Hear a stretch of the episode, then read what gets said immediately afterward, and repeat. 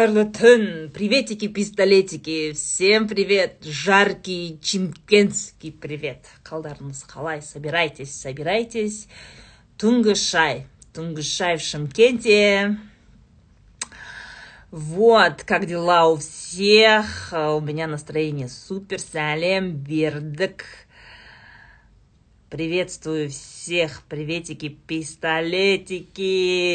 Сәлем бердік, сәлем бердік. Келіңдер, төлетіңдер, төлетіңдер, чай ішейік. Менде чай дайын.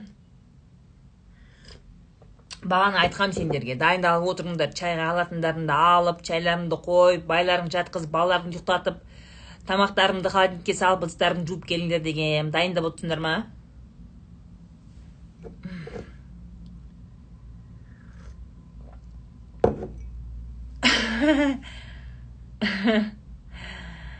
Спасибо. Нет, я сейчас в Шымкенте. Рахмет. Бізде такой нежданчик отпуск в Шымкенте. Мы умеем отдыхать в любом месте ғой осы оңтүстік өңірде туыстарымыздың жолдастарымыздың біраз іс шаралары болғандықтан бәрін жинап жинап бір аптаға келдік вот бізде сағат көрсетіп тұр ғой орал сәлем сәлем. Ақтау сегіз жарым енді ақтаудағылар әлі балалары жатпаған шығар ужиннің кезі ғой.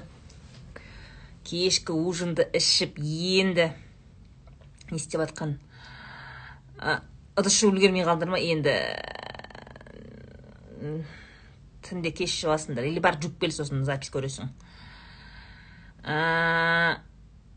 Жоқ шымкентте кездесуге не успею. Алдында мен шымкентте бизнес встреча жасаймын дегем кәсіпкерлерге разбор жасаймын деп я объявление размещала.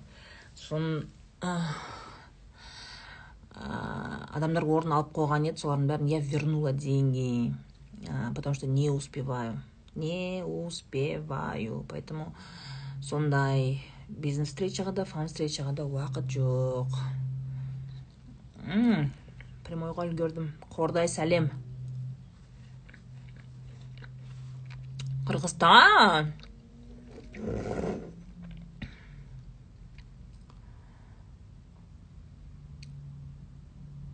дауысты қайтып шығаруға болады.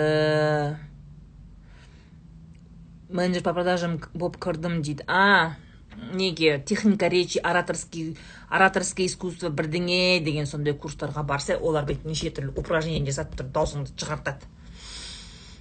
Сатылымда дауыс ырғағы өте маңызды. Что то у меня какой то экран он как будто он расплавился что ли не могу понять.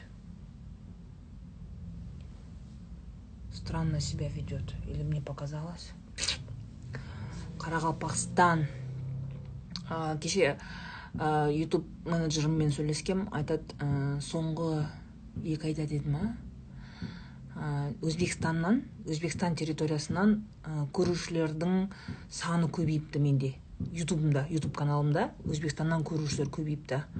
Соған қарағанда мен ойладым енді өзбектер онша түсінбейтін шығар. Но қарақалпақстан точно түсінеді менің айтатындарымды. Қарақалпақстанда қарақалпақстанда тіліміз біздің ұқсайды ғой. Мен алдында бір ташкентке барған кезде сол ә, нукустан бір подписчицамен кездескем. Сол кезде ә, екеуміз сөйлесіп жатырық қой. Я ее понимаю она естественно меня понимает менің подписчицам болған а я ол маған сөйлеп жатыр да я ее понимаю. Кішкене қырғызшаға келеді ше ауа дейді иә иә дегенді ше. Но такие вот э, общий общий язык все равно можно найти түсінуге болады екен. Поэтому наверное ютубта именно өзбекстан территориясынан қарайтын сан адамдар саны көп сосын одан бөлек өзбекстанда қазақтар көп. Мен өзім ташкентте туылғам. Ташкентте туылғам бізде туысқандарымыз бар өзбекстанда. Яғни қазақ көп қой ол жақта бәрі қанша дегенмен. Скорее всего они слушают вот в ютубе оказывается их стало больше. Қырғызстан хорошо понимает дейді. Супер. Жанель не не, не үшін прикрепить етіп жатрсың жанель прикрепить етейін ба ә, рахмет рахмет. Маған даритке сұрап жатқандар мастер класс интенсив сұрап жатқандар сейчас пока продажи нету Если вы хотите успеть, недав... Э, скоро, недавно болған, мы закрыли продажи. Скоро обратно откроем. Хотите успеть, Жанельге жазып, номерларын қалдырып қойыңдар. Она будет делать рассылку, либо WhatsApp сториске шығарады. спасибо большое Э, развод развод родственников. Блин как помочь им? Оба күшті жұмыс жасайды. Екі балалары бар он төртте жетіде хорошая обеспеченная семья қайнағам абысыным все устала от его обмана дейді он не жил он он не желает как бы разводиться дейді динара. Енді сен адамдарда мындай да динар? Ә, сырт көзде адамдар әртүрлі. Мысалы сен жұмыста немесе подругаңмен араласқан кезде күшті ше одан жақсы адам жоқ та. Мысалы таныстарыңмен мә ма мықты дейді. Но сен ол адаммен бірге тұрмайсың ғой. Олардың спальныйында сен не болып жатқанын динара білмейсің. То есть они оба такие классные ну почему они разводятся деген әңгіме жоқ та динар понимаешь? Что у них происходит в спальне ты не знаешь. Сенде мынандай осуждение еще болуы мүмкін. Не понимаю. Он и зарабатывает и образованный и красавчик. Че разводиться? Не жетпейді осы қатындарға деп ойлайтын шығарсың да. Большинство из нас вот көбісі бүйтіп айтады. Бізде даже қоғамда сөйтіп айтады да әйелге ше е сені ұрмаса соқпаса ішпесе шекпесе ақшаны тапса ей неменеге ажырасасың? дейді да. А ты не понимаешь что сейчас уже запросы большие. Қазір әйелде де еркекте де запрос үлкен иә? Они хотят более душевного контакта иә? Махаббат бірге тіл табысу көңілдері ойлары бір жерден шығу идея мақсат бір жерден шығу деген сияқты қазір құндылықтар өсті. Тек қана жаңағыдай ұрмаса шекпесе қумаса ішпесе болды тамақ тапса болды. Бола береді сол еркек деген нәрсе жоқ та уже әйелдер ондай нәрсеге көнбейді динар пойми. Сейчас я, я, я понимаю, в чем сдвиг пошел у твоей подружки-то, у твоей абысынки. Она же думает же, блин, вот он врет постоянно, он врет, мне это не нравится, да? Мысалы, ты веришь человеку, он твой партнер по жизни, он, и он постоянно тебе врет, тебе будет приятно? Нет. А ты думаешь, блин, дура она, дура. е красавчик қой қайнағам е қалай мен красавчик қайнағамнан ажырасуға болады дейсің да сен екі адамның ортасына түспе олардың үйінде спальныйда не болып білмейсің вообще адамды жақсы білу үшін онымен сапарға бару керек дейді да сапарға бару или сен бірге тұру керексің да? Мысалы сапарға даже самый супер өмір бақи с детства подружка мектеп бірге оқыған универ бірге оқыған подружкаңмен бір аптаға сапарға шықшы бір бірлеріңді жек көріп шығасыңдар. Бір бірлерін жек көріп шығасың бастарың бір қазанға сыймайды. Потому что жить с человеком это совсем другое. Да бір адам туралы әр адамда әртүрлі мнение болуы мүмкін. Э, например я блогер да у меня в купе сейчас бүкіл инстаграм телеграм тик токтағы аудиториямды есептесем бір жарты миллион аудитория бар. Представь жарты миллион адам әрқайсысы менен мен туралы әртүрлі нәрсе ойлайды да. Олар менің шынайы қандай екенімді білмейді да. Одан это самый такой широкий круг. Одан кейін орташа круг да те которые меня ну как то знают где то мы пересекались какой то нетворкинг бірдеңеде одан кейін өте жақын адамдарым бар одан кейін менің туыстарым бар одан кейін менің күйеуім бала шағам бар. И әр адамның мен туралы ойы әртүрлі. Поэтому динар не лезь. Как сами решат так и решат. И сосын уф так переживаю за них. Неге ажырасайын деп жатыр все же хорошо деп. Сен басқа істейтін тірлігің жоқ па динара у каждого свои проблемы. Сен әркімнің сондай переживаниясы үшін өзің нерв болып жаңағы қа этот не қылып ә, өзің қайғырып қайғыдан қан жұтып не істегеннен. Сен нерв не, не нерв таштан өліп қалады ғой. Береги себя. Че ты?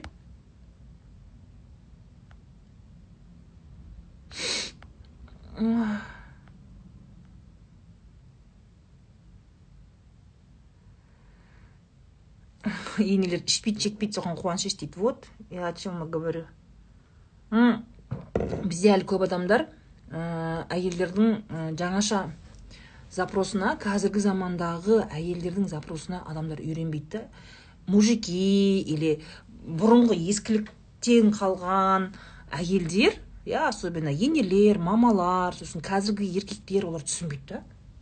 Я не понимаю. Қатын не жетпейді саған?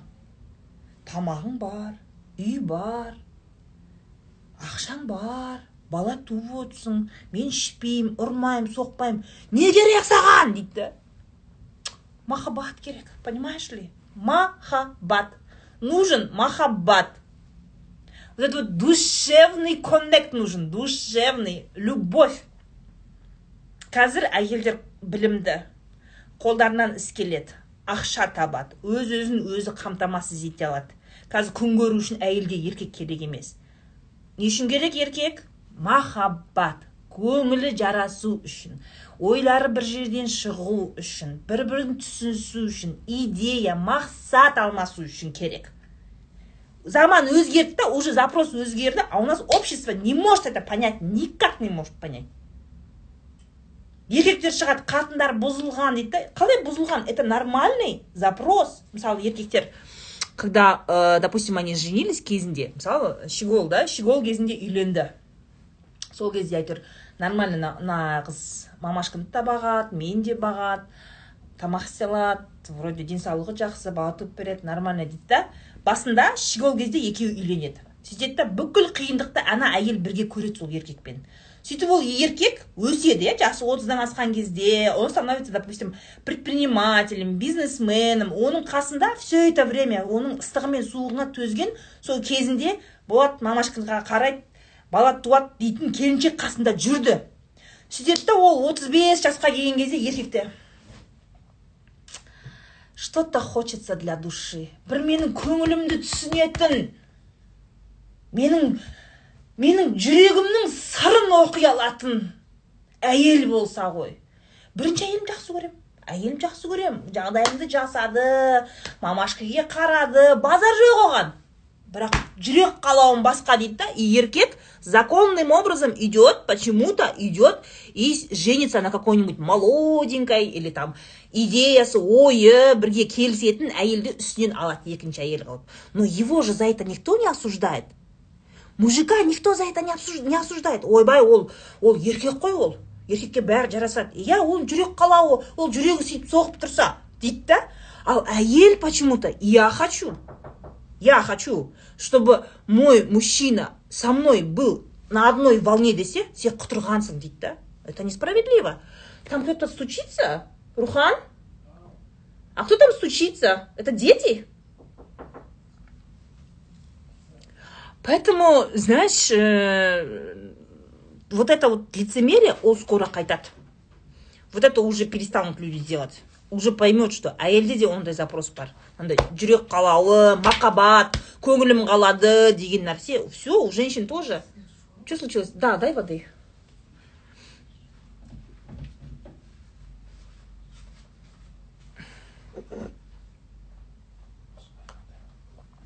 мүмкін ә, әйел бұрын шыдады потому что да зарабатывал только мужчина но эти все запросы у женщины появляются потому что она зарабатывает деньги она образована она образована она зарабатывает деньги она видит что мемлекет жалпы экономика әйелге көп жағдай жасайды да ол ақша тауып өз өзін қарай алады конечно она хочет для, для души а бізде еркектер почему то отстают Өте көп они жутко отстают.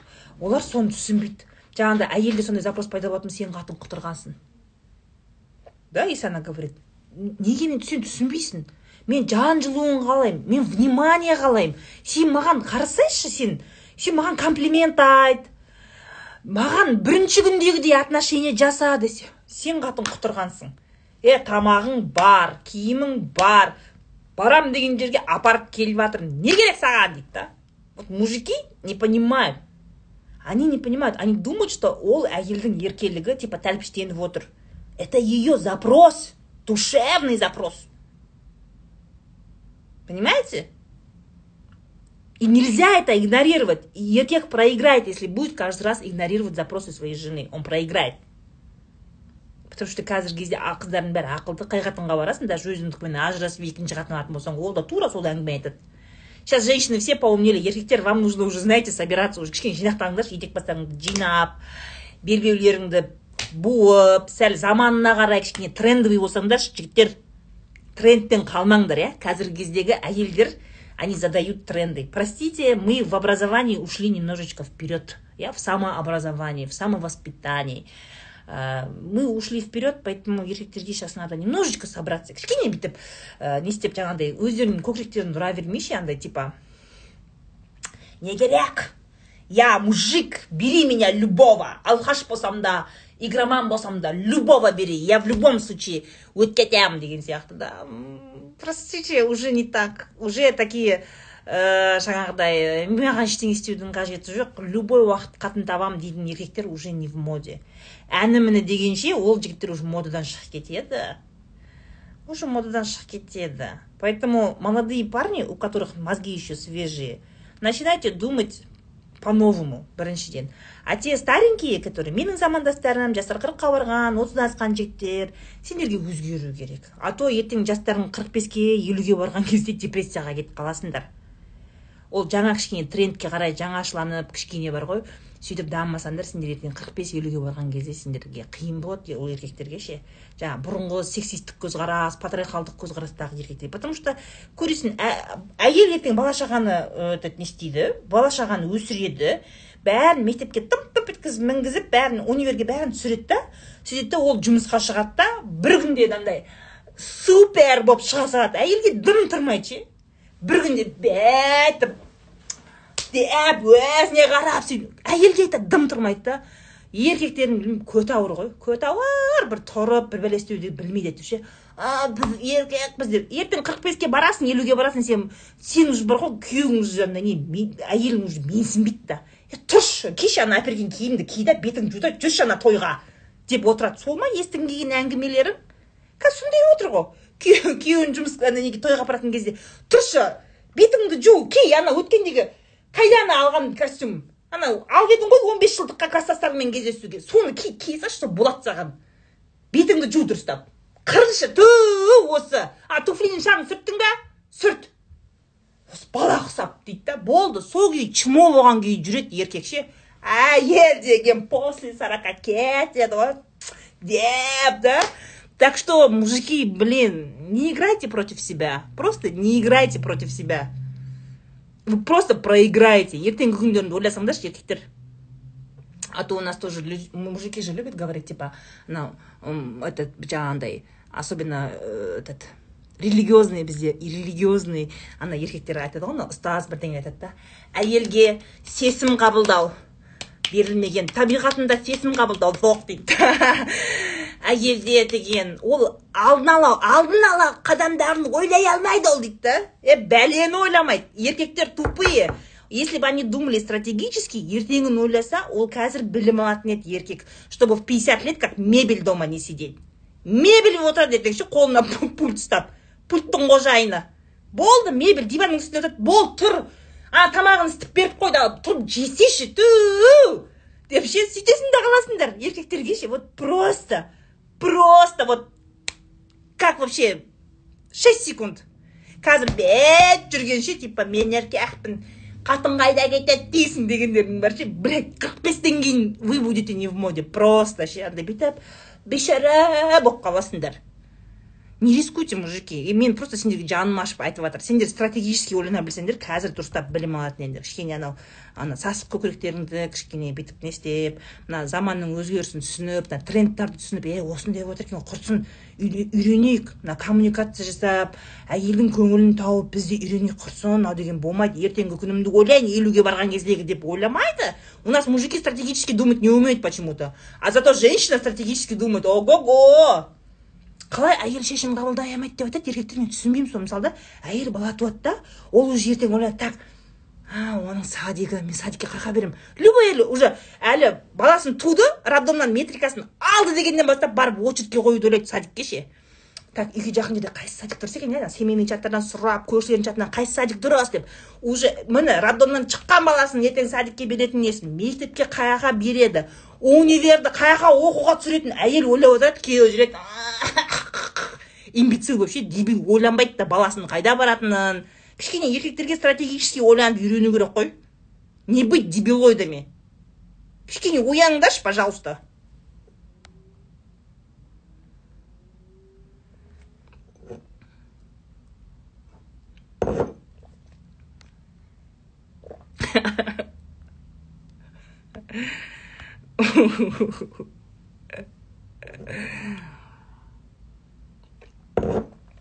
просто вот это вот сейчас смена идет очень сильная смена именно әйелдің авторитетінің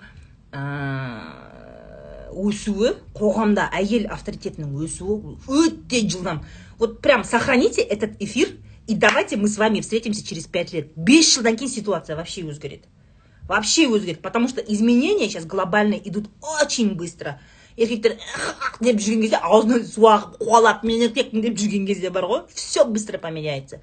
Просто посмотрите что сейчас происходит да? Что сейчас гендерное равенство қазір барлық жерде айтылып жатыр бүкіл әлем бойынша гендерное равенствоның вопросы көтеріліп жатыр міне даже элементарно ә, машина айдау бойынша қараңдар да? Вот представьте вот осыдан бір буквально бес алты жыл бұрын әйел адамның особенно региондарда мүмкін алматы мен астанада емес шығар региондарда әйелдің машина айдағаны а это қазір ешкім таңғалмайды. Еркекпен жарысып айдайды бизнесте кәсіпте ғылымда спортта әйел еш жерде кем емес. И это будет расти. Вы не думайте еркек қазір ойлайды да әйелді жұмысқа салмаймыз әйелді қамап отыр ана жаңағы отырып алады ғой уағызшылар жиналып отырып алады да әйелді дегенді бүйтіп ұстау керек әйелді бастан дейді қазір әйелдер уже бар ғой еркекті бастан деп отыр қазір оянсаңдаршы иә еркектер оянсаңдаршы сейчас женщины говорят бір бірімен өстіп біз қыздар жиналамыз ғой вечерге өстіп жиналған кезде жас қыздар келеді мысалы үшін маған сөйлесуге мен айтамын қыздар еркекті бастан дұрыстап таңдап алыңдар байларыңды бәрін тексеріп ал кредит кредиті жоқ па басында бүкіл вич қандай не бүкіл медосмотрды өткізіп барып ти ана жігітке деп еркекті бастан деп отырамын мен. Қыздарға мысалы үшін мен сөйтіп айтамын. Менің аудиториям екі жүз жетпіс мың жалғыз мен айтпаймын оны қазір. Бүкіл блогерлер айтады да еркекті бастан тексеріп ал тексеріп. Ойбай тексеріп ал жұмыс істей ма? Тексер үйін әке шешесінің үйі бар ма? Қаңғып жүрмесін ертең сенің мойныңа отырмасын. Ертең сен сөйтіп не істемесін деп ше? Міне еркекті бастан деп қазір э, вот это в тренде. Мужикам надо думать об этом. это раньше они говорили қатынды бастан уже это не актуально қатынды бастан қазір еркекті бастан болып кетті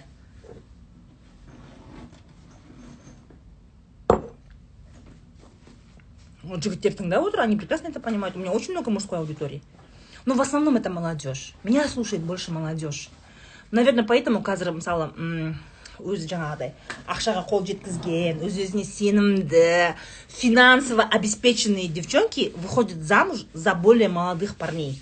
Иә өздерінен бес алты жас кіші он жас кіші. Неге? Потому что молодые парни мужчины сейчас более прогрессивные чем те ана отыздан асып кеткендер бар ғой ана қат милары қатып қалған советский ана советский союздан мұрагерге алып қалған қатып қалған милары бар еркектерге қарағанда қазіргі жас жігіттер они более они более лояльные более адекватные. Поэтому все, хорошо. Детям скажи, чтобы они мне нечаянно не позвонили, окей? И понимаешь, вот сондықтан қазір да мысалы өз өзін күт қағған денсаулығын күт қағған ақша табатын продвинутый қыздар қазір шертіп жүріп деп жүріп жиырма бестегі жігіттерге үйленіп жатыр. Нормально? Ешкім жасқа қарап жатқан жоқ. Почему? Потому что молодые парни прогрессивные. Прогрессивные. И за счет прогрессивности они успешные. Сенің ана ескілік миыңмен жаңағыдай сексистский миыңмен сен прогрессивный бола алмайсың ты вот андай старперский мимен сен қалып кетесің все сен заманыңнан төмен қалып жатрсың да? Поэтому қыздар которые подписаны на меня если где то в комментариях увидите парней которые подписаны на меня смотрят на мои эфиры сол жігіттермен сөйлесе беріңдер нормальный жігіттер мені тыңдайтын жігіттер нормально нормальный жігіттер отырады менде жастар кіші деп не қылмаңдар нормально. Қазір уже білінбейді да ғой что там медицина косметология дамыған спорт анау мынау. Вообще разница в возрасте не видно. Қазіргі кезде анау кәрі анау жас деген вообще көрінбейді да ғой қазір. Елудегі әйелдерді қарасаң құрсын отыздағы қыздар сияқты қалшылдап отыр қазір өзін күтіп қалғандар. Әйелдер өздерін күтіңдер. Вообще ойланбаңдар. Возраст. Жігітім менен үш жас кіші бол э нормально нормально. Главное чтобы мозги шарили. Еркекті бастан басынан бастап тексеріп алыңдар документтерін бәрін тексеріп кредиті жоқ па? Запрос сондай болу керек. Уже все уже поменялось все понимаешь?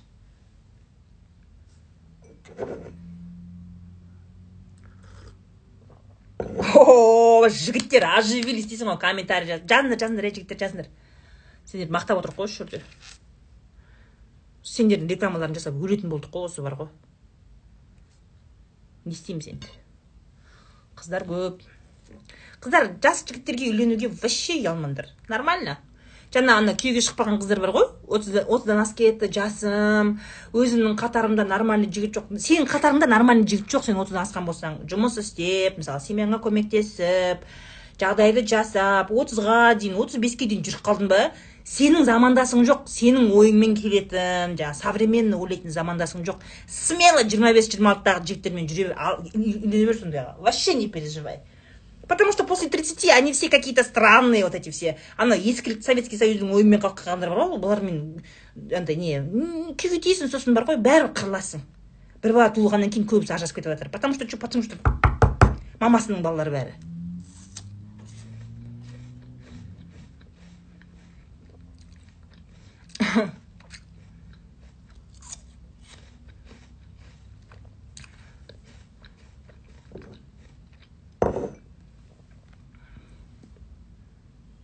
Молодые парни любят қазір мода болған ничего страшного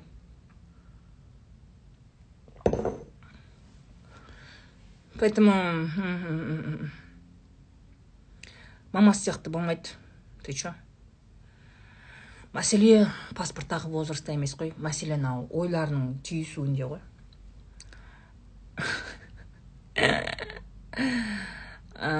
Мен скоро бұйырса алматыға барғаннан кейін бір подкастқа қатысамын қазір келісіп қойдым. Как раз будем обсуждать тему того неге қыздар тұрмысқа ә, шығарда ойланбайды. Тұрмысқа шығардың алдында не нәрсені білу керек чтобы ертең ажыраспау үшін деген сияқты да. Ә, бұл сұраққа нақты жауап беру өте қиын. Неге? Өйткені ә, қыздарға жалпы қыздарға өте көп агитация жасайды. Еркектің агитациясын жасайды ше. Типа күйеуге тию керек күйеуге ти күйеуге ти күйеуге тимейді сен адам емессің күйеуге ти жігітің болмаса сен вообще чмошка сен әдемі болғаннан не пайда қасында жігітің жоқ. Яғни қыздың самооценкасын қыздың тұлғалығын қасындағы еркекпен ғана бағалайды да. И қыздарға сондай агитация көп болғандықтан олар неше түрлі алаяқтарға сеніп қалады. А вот вот он мой. Вот я его нашла деп ойлайды да. А жігіттер алдайды. Алдап кетіп жатыр ғой. Алдап кетіп жатыр. Там ойбай жаным күйеуім сүйем дейді да лақтырып кетеді. Қыз өзін кінәлі санайды да. Я виновата в этом деп ше. Но в чем она виновата? В том что қыз баласына кішкентайынан бастап подросток кезден бәрі агитация жасайды. Қасыңда еркек болу керек да. Яғни қыздың бұл өмірде бар болуын еркекке байлайды. Еркекке байлағандықтан ол өзін андай қоғамда бір кемтар сезінгендіктен әйтеуір бір жылтыраған жігітке жабысып кете береді.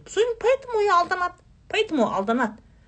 Если бы қызға ей білім ал дама сен сен по-любому ты наш любимый ребенок деп айтса ол қыз сол көшеге шығып алып жаңағыдай подругаларымен сөйлескен кезде сондай подругаларының манипуляциясына жігіттердің манипуляциясына түспейтін еді.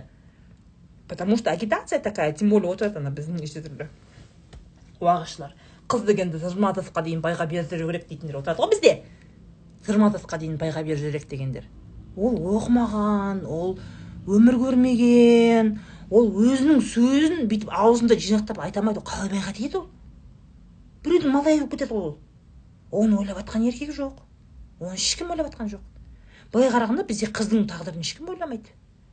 Бұның қыздың жағдайын бізде ешкім ойламайды. Е мына қыз ертең е қолында мейлі дипломы бар өмірлік опыт жоқ қой бұда жұмыс істемеген ғой адамдармен сөйлесіп үйренбеген е тамағын тауып үйренбеген мына қыз. Әлі ақша тауып үйренбеген. Бұл қалай байға бересің бұны деп. Ешкім ойламайды бізде.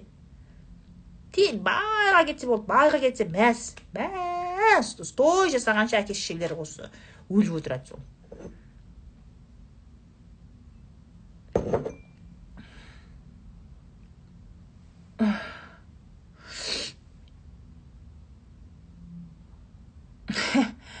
төрт қайнапам.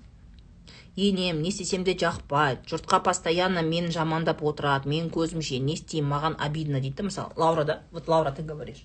Конечно тебе обидно. Тебе будет обидно. Байың қайда сенің? Сен тиіп сеніп иә? Сенім артып тиген байың қайда? Лаука. Қайда байың? Ойбай осы қанаттыға қақтырмаймын тұмсықтыға шоқтырмаймын лаука сүйем сені. Лау жаным сен үшін маған тиіші деген кән байың қайда? Ана дракон анаконда қатындардан әпкелерінен неге сені қорғамайды? Где? Вы же семья ты же не за них замуж выходила. Неге қыздар осындай жағдайға түсіп жатыр? Потому что мужики ноль. Ноль ноль мужики. Бір қатынын бір қатынын қатынына жауап бере алмайды хотя хотя мешітте неке қидырған кезде сол жерде имам сұрайды ей сен мынаған жауап бересің білесің ба деген кезде иә иә иә деп тиіп алады еркектер сөзінде тұрмайды ғой не майдаланып кеткенсіңдер жігіттер неғып сондай болып кеткенсіңдер почему вы не можете? Просто вот если обещали қызға үйлендің ба? Бірге боламыз дедің ба отбасы боламыз дедің ба неме енді өзің жоқсың ана ана қатыныңды ана жақтағы бес қатын жұлып жеп жатыр. Қаяқтасың сен. Лаура сен осы эфирдің осы жерін ал да қырқып ал да байыңа жібер. Сен жібер байыңа. Қайда жүр ол? Неге сөйлеспейді апаларымен? Шешесімен? А если он не может а, даже даже ұстаздар айтады если еркек не может создать условия для своей жены не женись дейді. Бөлек алып шық деп айтады. Даже ұстаздар айтып жатыр мен білмеймін бізде еркектер ше біресе қарасаң діндар болып шығады да ойбай дініміз ойбай мұсылманбын дейді да сен қуанасың. Ой алла машалла нағыз мұсылман! Мұсылмандық іс әрекет жасайды сөзде тұрады деп ойлайсың да некені қидырады да апарады да әйелдерін апарады да үйленгеннен кейін жаңағы анау ана анаконда дракон сестраларының ортасына шешесін отырғызып қояды да өзі жауап бермейді. Е сен сен өзіңді мұсылманмын! деп атадың ғой е? Кім? Еркек. Өзіңді мұсылманмын дедің мешітке барып мұсылманша неке қидырдың құдайдың алдында мына әйелге мен жауап беремін дедің. Енді жауап берсе енді. Жауап берсе енді. Ай қарап жүрсің ба? Бізде түсінбеймін мен еркектер. Не былай емес не былай емес ше? Мұсылмансың ба? До конца мұсылман болса тұрып берсе. Тұрып берсе. Неге тұра алмайсыңдар сөздеріңде мен түсінбеймін осындайды. Бізде қазір әйелдер сөзде тұрған кезде молодец ше айтады да міне мен күйеуге тидім маған отбасы керек. До конца шыдаймын дейді әйел ше до конца шыдаймын айтасыңдар ертең осы кемпір де өледі ана қайнапалар да ертең бір бір байға тиіп құриды бәрі. Шыдаймын до конца тұрып беремін дейді да әйел ше еркек деген жоқ дейсің ғой жоқ. Не ақша таппайды не семейный проблеманы шешпейді жоқ. Тю нету его. Зато әйел отбасын сақтап қаламын. Мен сөз бердім ғой мен отбасымды сақтаймын деп. Мен тұрып беремін до конца дейді. Еркек жоқ. Қане еркек. Қане я не понимаю где?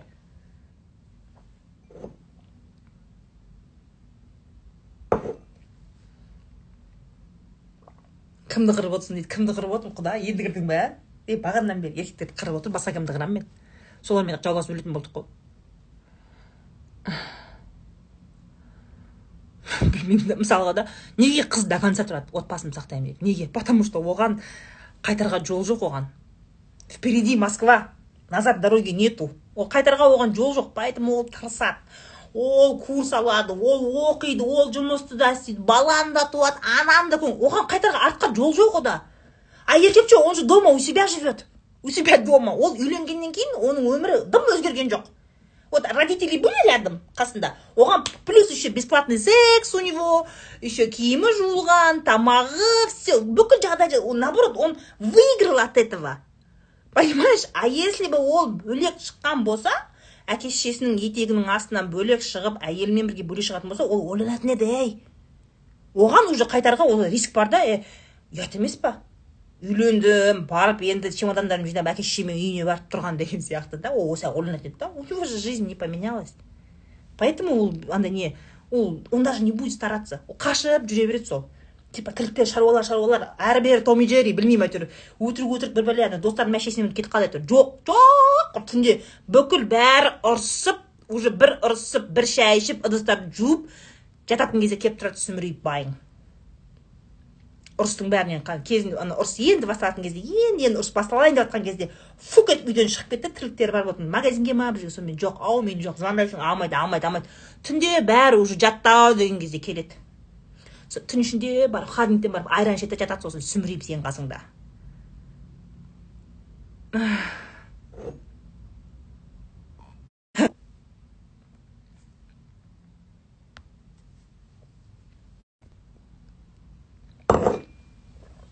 виснет потому что в отеле Wi-Fi плохой, я сейчас на свой мобильный пере, а, переключилась.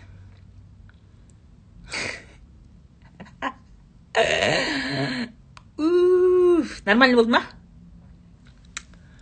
сейчас должно нормально стать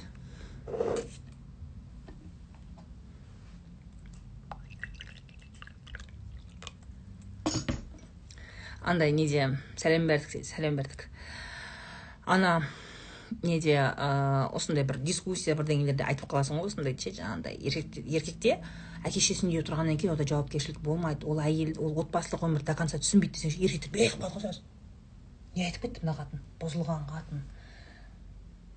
Мынау байға тимеген точно. Бай жоқ маған или ажырасып кеткен ба? Баласы да жоқ не оттап отыр бұл деп айтады. Бәрі сөйтіп айтады. Все кто меня не, это, не знают они все так говорят. Как так? Как можно в сторону мужчины обвинение выкидывать? Как можно обвинять мужчину в чем-то не бывает такого. Это женщина должна быть во всем виновата. Әйел кінәлі любой жерде өткенде ана супермаркетте мужик блядь долбоеб мужик! Взял потрогал не знаю ана қыздың көкірегінен ұстап жатыр да долбоеб бала сияқты осы еркектер бала болып кеткен майланып кеткен десем сенбейсіңдер ше? Сөйтеді сөйтсе комментариях пишет қыздар өзі ашық шашық киінбесін дейді бля я же говорю бізде еркектер думают мы ни в чем не виноваты если в сторону мужчин кидаешь обвинения они такие а мен? мен кінәлімін ба? Ой жоқ ондай емес. Әйел кінәлі. Мен никогда кінәлі болмаймын. Это әйел кінәлі. Неге ол супермаркетте жүреді? Мен жүретін жермен неге ол жүреді? Жүрмеу керек ол. Блядь. Вот логика мужиков блядь вот этих тупых мужиков знаешь сондайға кетті да. я же говорю к сожалению это большинство тех которые наверное менің замандастарым шығар скорее всего чуть старше 30 сейчас не знаю мне кажется молодежь более прогрессивная о боже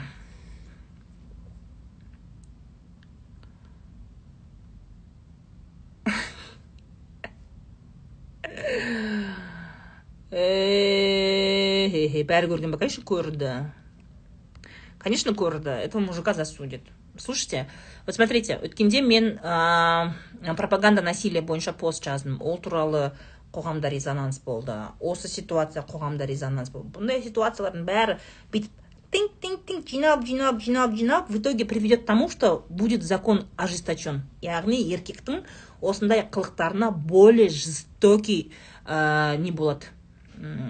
наказание болады ана алып қашуды алып қашу заңына тоже там же ввели коррективы тура сол заң өзгереді еркектер сендер уайымдамаңдар заң өзгереді все равно мы к этому придем все равно это случится и вам будет очень плохо если вы себя не переделаете дело не в законе а в вашем дурацком поведении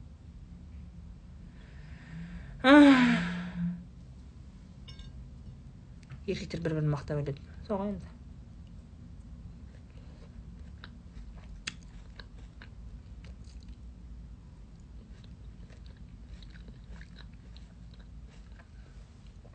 не болып жатыр дейді ой төгіліп жатыр мына жақта не дейді надеюсь на то что мелкое хулиганство им подсказано ну смотри а, не знаю мне кажется мелкое хулиганство білмеймін енді там хороший юрист наверное нужен чтобы найти какую-то правильную статью чем мелкое хулиганство білмеймін енді У вас хейтер дейді қош келіпсіңдер. Мені бір хейтерден қорқып қалды деп отырсыңдар ма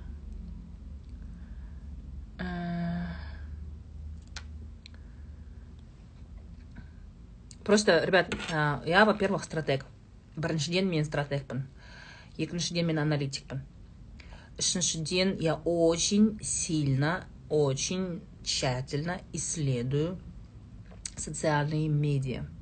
Яғни әлеуметтік желілердегі аудиторияның настроениесі мен маркетолог болғаннан кейін мен оны білуім керек. Мен соны байқап отырып анализировать ете тұрып және стратегически бұл нәрсенің қайда баратынын мен еще таныс ғалымдарым бар которые занимаются вот этими исследованиями. Мен көріп отырмын да тенденция меняется очень быстро и он меняется не в пользу мужчин. Не в пользу мужчин к сожалению. Қанша ә деп бүйтіп көкіректерін ұрғанмен все поменяется. Все скоро поменяется. Уже қазір қарап отырсам мысалы қазір әйелдер қыздарын қалай тәрбиелеп жатыр да бұрын әйелдер қыздарын тәрбиелеген кезде ертең байға кетесің байға кетесің оқуыңды оқы да кет ертең байға кетесің дейтін еді да. Қазір қыздарға мамалар айтады жұмыс істе ақша тап байға тимей кетсең де өзіңді қорға қызым. Мен сені біреуге қорлатып қоймаймын дейді. Қазіргі қыздарды сөйтіп тәрбиелеп жатыр. Сол кішкентай қыздар қазір міне бес алтыда онда мысалы үшін ше. Енді он жылда ол қыздар бойжеткен. Ана дес бермейтін ешкімге бүйтіп ана өзі ана өзінше болатын еркектердің бәріне пошел дейтін. Сондай қыздар қазір міне тәрбиеленіп келіп жатыр потому что қазір мамалар по другому воспитывает своих девочек. Басқаша жағдайын жасап қызды. Ер азаматтан кем қылмай ұлдан кем қылмай сөйтіп тәрбиелеп жатыр қазір қыздарды. Ол қыздардың бәрі ертең әні міне дегенше бойжеткен болады. И они будут менять общество. Они будут менять общество. Міне әлі ұрпақ жаңарады көресіңдер.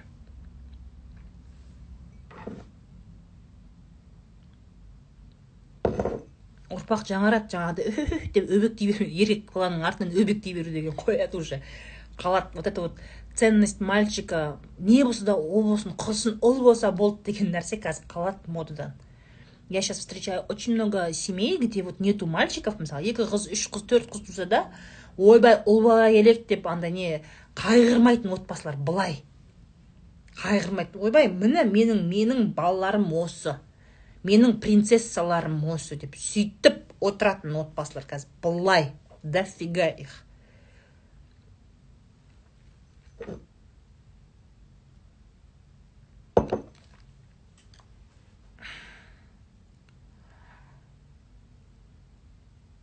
Да. Қыз түзелсе, ұлт түзеледі. Это факт. Ой, у меня комментарии сдохли. Все, я теперь не вижу вас. Ёлки. А, вот, отвисла. Да, бір қызым бар, жасы бірде, тоже қалың малы керек емес. Баспана әперем деп армандаймын, екі ұлға уайым жоқ дейтін. Пожалуйста, Пожалуйста.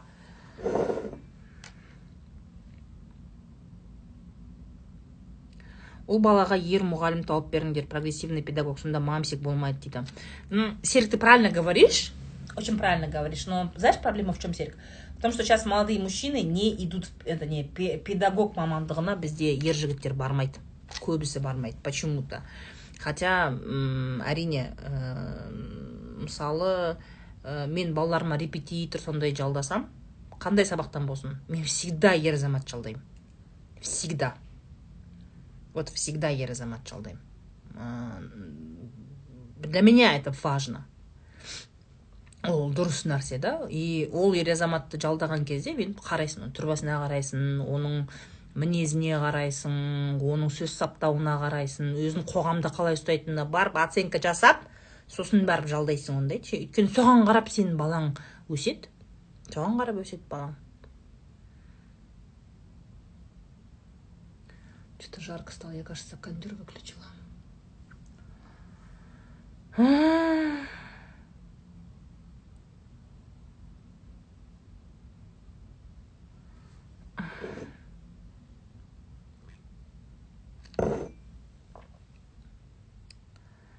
Да. Өткенде ана кім бар ғой психолог бар ғой ә, ержан мырзабаев как его? Сол өткенде когда ана педофилдардың темасы қосылды ма өшті ма енді қосылды педофилдардың темасы актуальный болып тұрған кезде жақсы сұхбат берген. Полный көрген жоқпын но отрывоктарын көрдім. Неден? Тиктоктан. И он очень правильно говорит и астындағылар қырылып жатыр да. Қырылып жаңағыдай астында комментарийда бір бірін жеп жатыр а он очень правильные вещи говорит. Ол айтады ә, в основном жаңағы педофилияның бәрі ауылдан шығып жатыр дейді да. Ауылда шығып жатыр и на самом деле өмір сүруге ауыл қауіпті деп жатыр ғой енді. Соған келтіріп жатыр да. И вы знаете я с ним согласна. Неге? Өйткені ауылда бәрі бір бірін таниды. Бір бірін таниды да и жаңағыдай ана көрші біреу алқаш болса жынды болса оны ешкім участковый оны ұстап әкетпейді. Участковый оған е қойшы күнде ішіп жүр ғой. Кім кім ба қылышбек па ой құдай күнде ішіп жүр ғой сол ана жерде бір құлап мына жерде бір құлап не болады дейсің дейді да мысалға. Немесе сәл андай жаңағы шизофрениясы бар сондай сәл ауру ауытқуы бар адамдар. Е өзіміздің ауылдың адамы ғой қойшы. Қай бір не қылады дейсің дым зияны жоқ жүре берсін дейді да. И получается психологический отклонениесі бар. Ә, сондай жаңағы алкоголизммен ауыратын сондай адамдар ауылда бос жүреді. Оларға сот жоқ. Олар бос жүреді. И они опасны. И олардан ешкім қорықпайды да. Ей өзіміз ғой ол. Кім? Психош па? Ой сол арасында сөйтіп қуып тұратыны бар дейді да болды жүре береді. Ал олар қандай потенциальный опасный адам екендерін ойланбайды. А это опасные люди. Ауылда их не наказывает оларды емдемейді психушкаға жібермейді оларды. Наркологияға апармайды. Участковыйлар ұстап алып оларға наказание жасамайды. Почему? Потому что участковый оның класстасы ағасының жеңгесінің досы бір бәлесінің бір бәлесі нағашысы бірдеңесі болады да. В итоге вот такие вот отклонениясы бар. Қоғамға зиян адамдар ауылда өріп жүреді. Өріп жүреді. А сендер ауылда еще балаларыңа бейғам қарайсыңдар да андай. Әй не машина жоқ ештеңе жоқ ана жерге өзің жүгіріп барып келе сал. Сол ауылдың магазині ғой өзіміздің. Е бара сал сөйте сал. Балаға қарамайсыңдар. Барып ойнап келе сал дворға. Барып кете бер ана подружкамның үйінде қонып, қаламын десе а мейлі қона бер дейсіңдер. Ол подружканың үйінде педофил бар ма білмейсің а бала айтпайды. Көшеде біреу ұстап алып сен балаңды қызыңды жаңағыдай тиіссе сексуализированный насилие сексуализированный жаңағы домогательство жасаса сен даже білмейсің да. Потому что осындай аурулар ағып жүр не қарап олар. Неге ондай ауытқуы бар адамдар қалада тұра алмайды? Олар өмір сүре алмайды. Олар сразу че на камеру попадут сразу сотқа бірдеңеге участковыйлар танымайды зато ауылда полно. Балаларыңа бейғамсыңдар и еще допускаете чтобы в ауле вот эти все э, с отклонениями люди ходили свободно. Это действительно так. Ауыл опасно. Так что балаларыңа ие болыңдар ауылда тұратындар. Қарап никогда өзін жібермеңдер ешқайда. Қанша өліп ұйқың келіп жабысып өліп бара да қызыңды балаңды мектепке өзің апарып өзің әкел. Туалетін андай мектепке апарған кезде әбден сегізіп су ішкізбей жібер. Бармасын мектептің туалетіне. Бәрі далада ғой. Ой ауылдың мектебінің туалеттері айдалада любой вот такой ауру адам туалетте аңдуы мүмкін оны.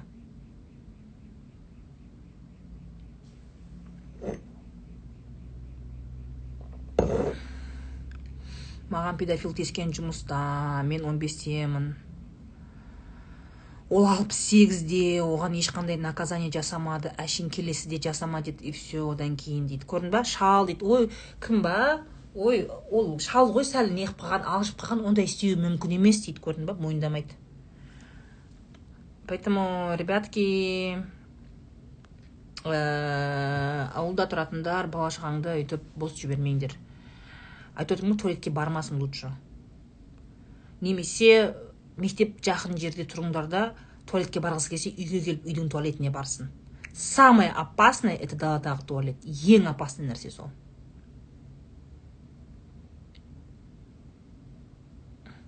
Не только психи у нас в школе психолог изнасиловал восьмиклассницу. Ну пожалуйста.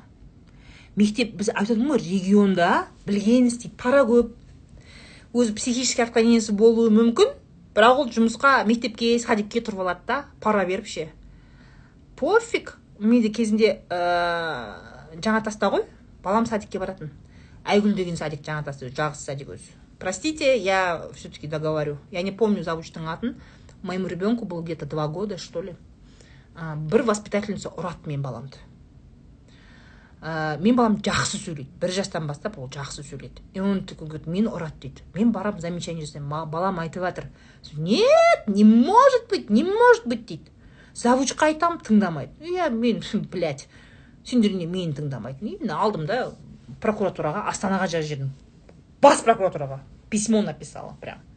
Оттуда астанадан проверка приходит жамбыл облысына. Жамбыл облыстан жаңатасқа и тут завучы бәрі шырқырап бәрі шыңғырады ғой. Білмейді заявлениені кім жазғанын. Но знают ребенка. ребенка знают қай бала екенін қай группада екені айтылды я сказала блядь мен айттым завучке айттым ананы ұрады деп они такие типа нет не может быть не может быть в итоге сол воспитательницу они не уволили они ее просто в другую группу перевели понимаете они ее перевели в другую группу это воспитательница которая бьет ребенка твоего шыңғыртқанмын екі аяғым бритке тығып завуч келіп мен қайнатам бірге тұрамыз ғой қайнатама келіп жалынып заведующий садика. Ойбай айтыңызшы келініңізге пожалуйста заявлениесін алсыншы а мен басында мен баланы ұрады деген кезде ойбай жоқ жоқ деп отқан. Шыңғыртқанмын сол кезде мамалатқанмын сол кезде. Маған бәрібір. Мен үндемей отырмаймын. Я свои я свои права знаю. Ол кезде қайта телефон жоқ ондай не жоқ видеокамера ондай ештеңе жоқ. Если бы вот этого было бы я бы такой скандал устроил я за своих детей всех порву мамалатқанмын мен сол бүкіл жаңатасты шулатқанмын так что блин қыздар үндемей отырмаңдар балаларыңды таяқ жегізіп қойып вообще я же говорю я прям восстану бас прокуратураға жазғанмын пофигу қорықпаймын ешкімнен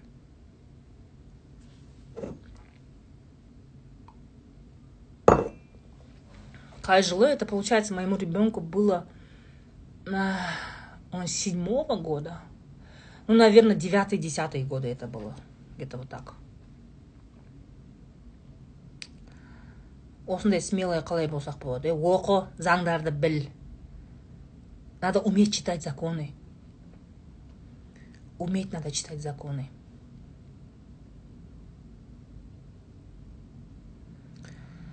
Сөйтіп заң күшейді. Конечно осындай мен сияқты шыңғыратын мамалардың ә, арқасында заң өзгереді. Поэтому үндемей қалуға болмайды. Ну вот.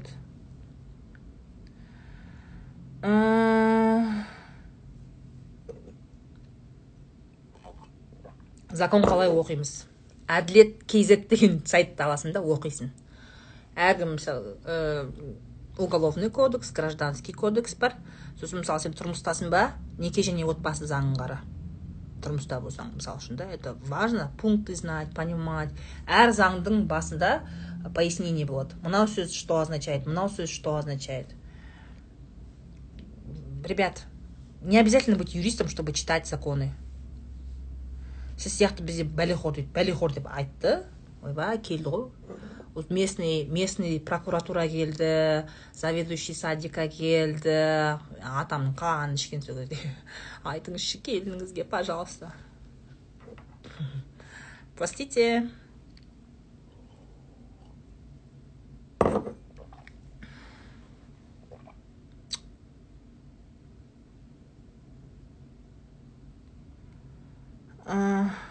Сол әділет кезет оқып отырсам дым түсінбеймін дейді.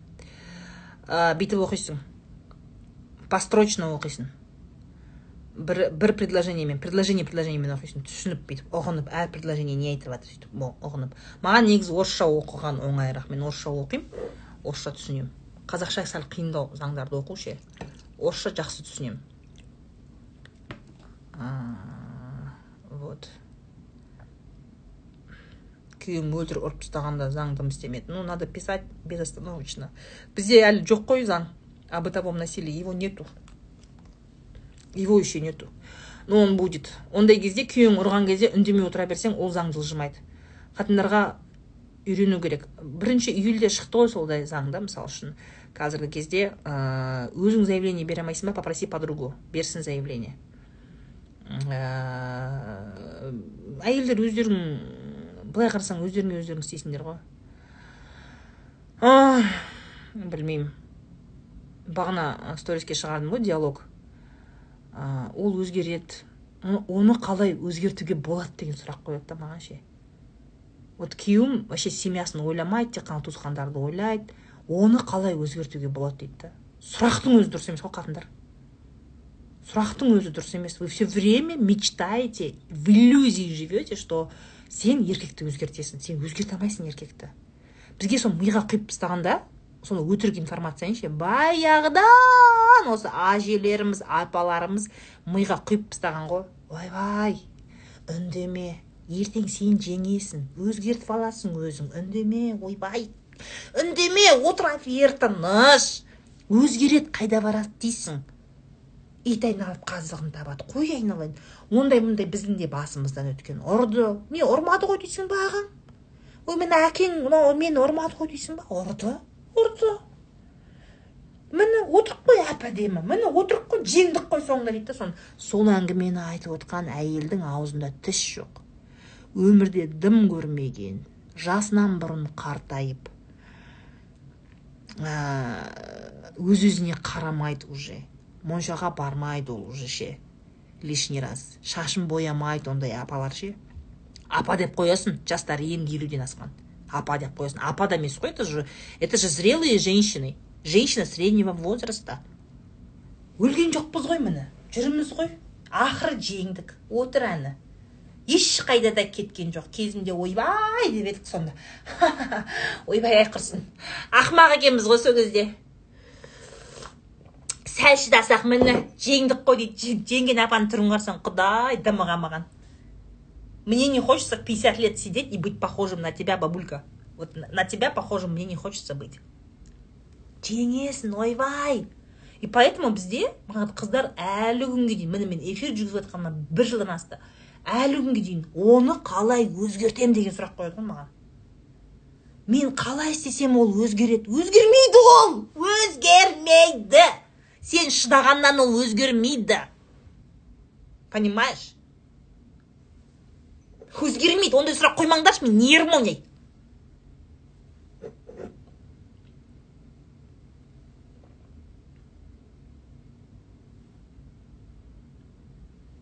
ана аузында тісі жоқ немесе аузы полный протез ба сонда. Мына жерім жоқ құрсын сол кезде жас кезімізде уайымдап сол нерв болып құрсын отыр ғой енді қасымызда жас елуде өмір көрмеген денсаулық біткен аузда тіс жоқ шашты боямайды ана шашы күйелеш андай бүйтіп андай жүн болып кеткен орамалдың артына тығып қояды да былай ше блять қайда менің орамалым бар еді бағана сейчас найду вам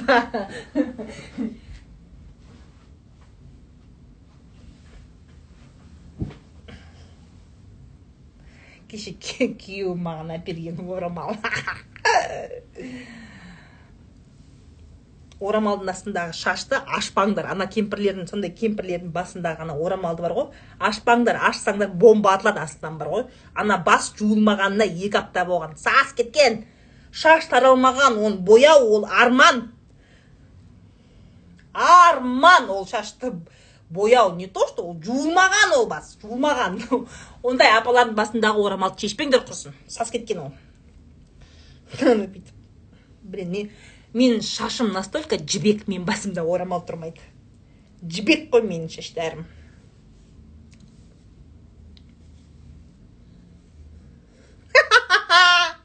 Обожаю веселиться с вами просто обожаю.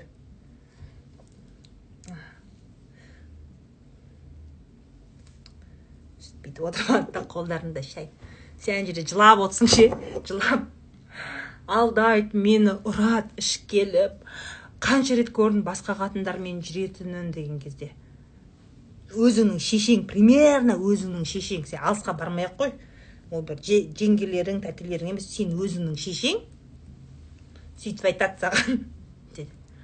А мына орамал бүйтіп тағады олар мына жерден бүйтіп. Обожаю господи. Обожаю.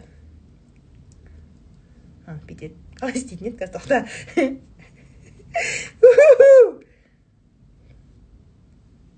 былай ма подожди жоқ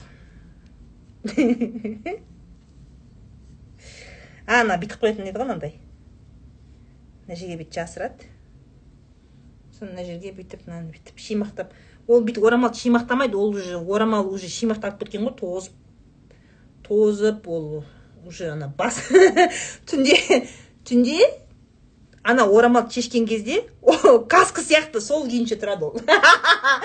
Ол сол күйінше тұрады ол. Ол жазылмайды ол орамал. Тура сол мыжылған күйі каска сияқты шешіледі ол орамал ше.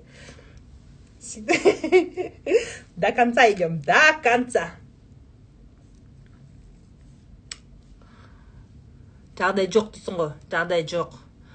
Ана баяғы артынан келген ана ауыр советский сырға бар ғой сондай тағады да ауыр ше ол. Ана мочкасын бүйтіп созып жіберген ана жерін тесігі мынандай мынандай кәдімгі туннель ана пирсинг тағатындар туннель сырға бар ғой сондай қойсаң да болады мындай сондай сырға. Алдында тіс жоқ сен жылап отырсың ана жерде күйеуім маған бүйтеді бүйтеді деген кезде. Шай дейді ғой. Ай құрсын не көрмедік сенің әкең не көрсетпеді? Есіңде ғой баяғыда. Шығарып жіберетін еді осы. Қысқа қарамайды. Не қыс демейді не боран демейді осы. Бәрімізді ту талақай қуып қырсын баяғыда есіңде ма? Ана балғаны алып алып шкафты сындырған кезде. Ойбай сол кездердің бәрі қалды ғой. Шүкір жеңдік қой қазір. Міне. Жақсы болып жатырық қой міне. Сол шыдағанның арқасында қызым шыдағанның арқасында осы. Міне тұрып жатырық қой қайда барды дейсің әні? Жеңілді ешқайда да барған жоқ ешқайда да барған жоқ. Қанша міне сол кезде кетіп қалсам мен сол кезде кетіп қалсам өстіп сендерді мен тұрмысқа бермейтін едім. Бермейтін едім мен сендерді тұрмысқа. Кімнен кем қылдым сені? Ешкімнен кем қылған жоқпын. Елдің алда болып ұзаттым. Соншама той істедік. Немене енді? Ештеңе де қылмайды. Любой еркек жүреді. Жүреді любой еркек. Жүрмейтін еркек жоқ. Еркекке бәрі жарасады. Соңында өзің жеңесің. Қызым шешеңді тыңдасаң иә өмірің жақсы болады. Тыңдасаң шешеңді тыңда. Отырық қой міне. Кімнен жаман болып отырық? Әкелерің. Жеңілді ақыр жеңілді. Мен жеңдім. Деп қойып отырады.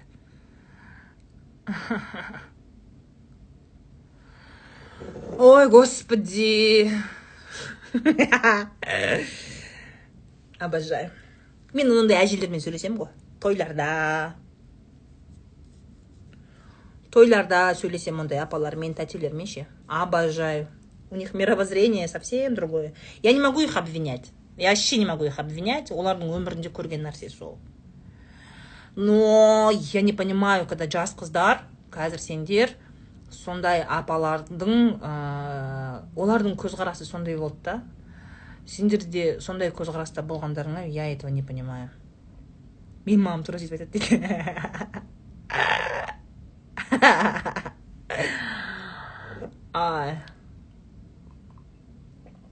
қызым мені тыңдасаң адам боласың. Кәні ажырасқан кімді көрдің бақытты болып жатқан ажырасып. Бала шағаң бар. Қалай дегенмен ол бала шағаңның әкесі. Ертең немене ажырасасың жалғыз өзің қалай бағасың? Немене үйге келеді деп үйге келемін деп ойлап жатсың ба? Әкең кіргізбейді. Блять аферистка ғой сондай мамалар ше? Өзінше үйде главное типа әкеңді көндірдім әкең жеңілді дейді да бірақ ана өзіне керек кезде аферистка ғой сондай тәтелер ше? Аферистка. Өзіне керек келген кезде әкең ұрысады. Әкең кіргізбейді әкең білсе білсе әкең ойбай не деп айтамын әкеңе өтірік әкесінен қорқады на самом деле дым да қорықпайды ғой. Уже таяқ жегізіп таяқ жегізіп уже күйеуін мебель қылып тастаған. Сөйтеді ойбай әкең білсе өлтіреді не деп айтамын мен әкеңе? Есің дұрыс па сенің? Аферистка ғой тәтелер ше өтірік ондай кезде қорқып қалады күйеулеріне ше. Ой не могу. не деп айтам немене? Ана үш балаңмен қайда? Үйге келемін деп отырсың ба? Ағаң мен жеңгеңді өздерінде бесеу. Қаяққа барасыңдар. Ойбай құдалардан ұят болады. Ертең жеңгең айтып барады әке шешесіне қыздар қайтып кепті деп. Сен мені позор қылу үшін күйеуге түйдің ба өзің таптың. Өзің таптың соны. Өзің тидің сені барып өзімшік қосқан, қосқан жоқ сені. Вот қалай әдемілеп сені шығарып салдық ұзаттық сені. Не деп айтамын мен құдаларға? Ертең ойбай ертең ана жеңгең естіп қойса мына әңгімені шешесіне жеткізіп барады. Позор позор. Ұяттан көмілемін ғой сол кезде мен. Нет нет. Ештеңе қылмайды. Ештеңе қылмайды. Еркек деген ол жүреді әйтеуір қуат бір күні өзі келеді. Да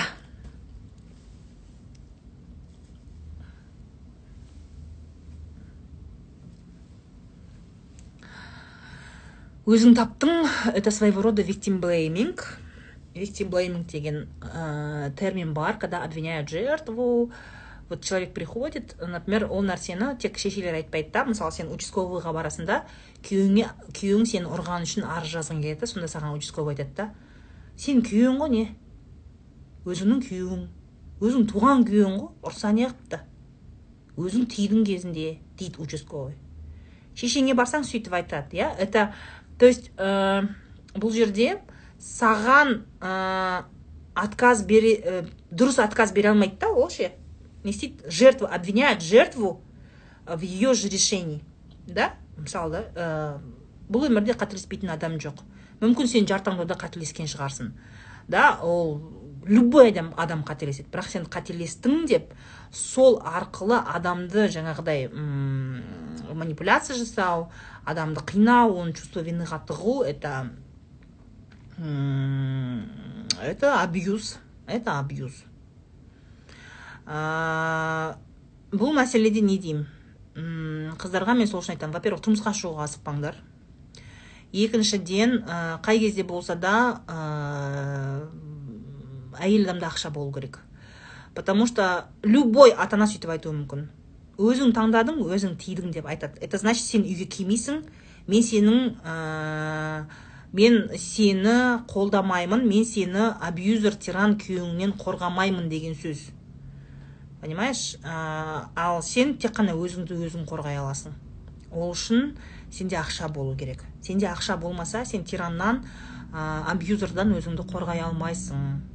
Туысқандар не всегда помогают. Ну подруга может чуть-чуть помочь и то бір күні шаршайды иә. Бәрібір это чужой человек это не родственник. Но в целом ә, когда туысқандар сөйтіп айтса бұл дегеніміз туысқан саған көмектеспейді деген сөз. Онда сен тек қана өзіңе ғана ұм, тек қана өзіңе ғана сенесің басқа ешкімге сенбейсің.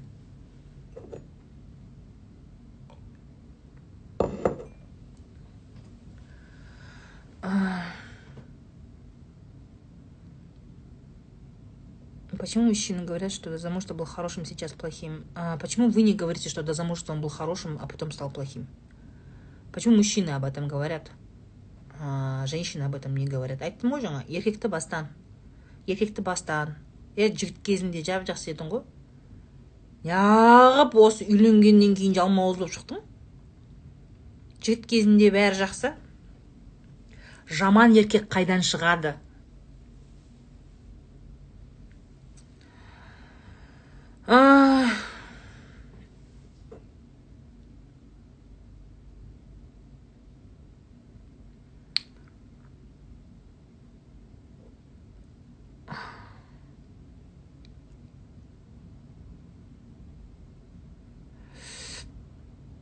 Алдай сал. Кімді? Тиранды ма? Смысла нету. Ол әшейін мысалға да сен сенің тісің құрттаған да кариес сенде. Бірақ сен сол тісті ә, тазалап пломба салуға бармайсың да обезболивающий ішіп жүре бересің. Алдай сал это обезболивающий ішу. Ол до конца құрттайды да тісің. Сосын бір күні іріңдейді да сосын скорыйға кетесің. То же самое происходит в жизни. Алдай сал иә дей сал көне сал это когда нибудь закончится? Бір күні ана ірің атылады и не в хорошую сторону. Обычно әйел өліп таяқ жейді әйел таяқ жейді әйел пострадает. Ә, то есть алдай сал бір бәле деген тема Ну, это просто обезболивающее. Это не решает.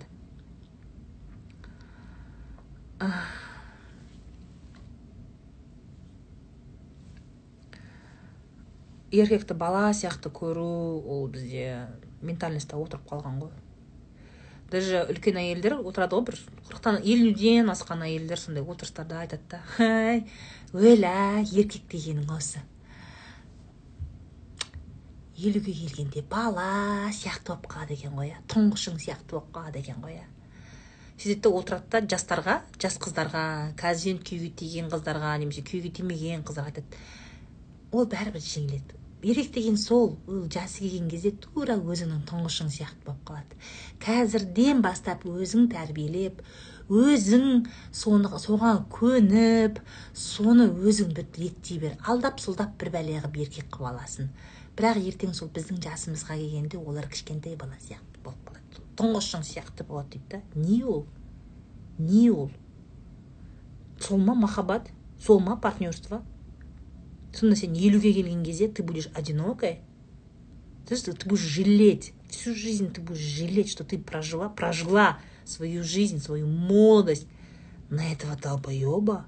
Ол еще ертең сол елуге барған кезде андай бөпе болып қалады да инвалид болып қалады. Сенің тұңғышың болып қалады. Сен жүр десең жүреді сен тұр десең тұрады отыр десең отырады. Сондай болады андай не бар емес не жоқ емес имбецил. Сондай. Сен соған қуанасың ба? Сондай болу үшін сондай адамның жанында ә, кәрілігіңді күту үшін де сондай зрелый уақытыңды өміріңнің ең қызық шақтарын сондай имбецилмен өткізу үшін күйеуге тиесің ба сонда? Имбецилдің қасында өткізгің келе ма? Жасың елуге барғанда бала шаға өсіп өзімен өзі кеткен кезде? Стратегически ойлансаңдаршы мен елуге барған кезде мынау адам қандай болады? Ол тәрбиеленбейді. Әйел еркек тәрбиелемейді еркек әйелді тәрбиелемейді никогда. Сен үйленген кезде ол уже все ол қалыптасып қойған адам ешкім ешкім тәрбиелемейді. Ол өтірік миф ол. Никто никого не может перевоспитать. Не может этого быть. Өзің тәрбиелеп аласың деген ол өтірік. Өз өзіңді алдау. Бір бір имбецилмен тұрасыңдар сосын. Жастар елуге барған кезде. Тұр десең тұрады отыр десең отырады. Тұрып даже өзі барып қонаққа жинала алмайды. Тұрсайшы ана шкафтағы анау үтіктеп қойды ғой ана келін өткенде ана көйлекті. Оны емес! Неменеге киіп ала береді осы көк көйлекті? Кисей ана сары анау жағы түн екінші серия түнгі шай у меня не то что сеть пропала у меня не столько сеть пропала у меня инстаграм погнал. Қазір полностью телефонды перезагружать етіп. Қайтадан шығып отырмын надеюсь будет лучше. Мне кажется мужики напряглись и от этого напрягся инстаграм. Мне кажется мужики напряглись мамалар напряглись там не знаю еще там бабулялар напрягли те которые постоянно қыздарын менжитіндер вот мне кажется они напряглись и наверное очень сильно захотели чтобы у меня эфир завис. Ну ваше желание исполнилось содан біз қайтпаймыз да? Біз қайтпаймыз сәлем бердік всем привет. Казахстан мир. Я знаю что очень много иностранцев здесь сидят. Первый эфир бомба все эфир бомба болса онда делайте скрин делайте запись экрана выставляйте в тиктоке в инстаграм. Спасибо. Көк көліктен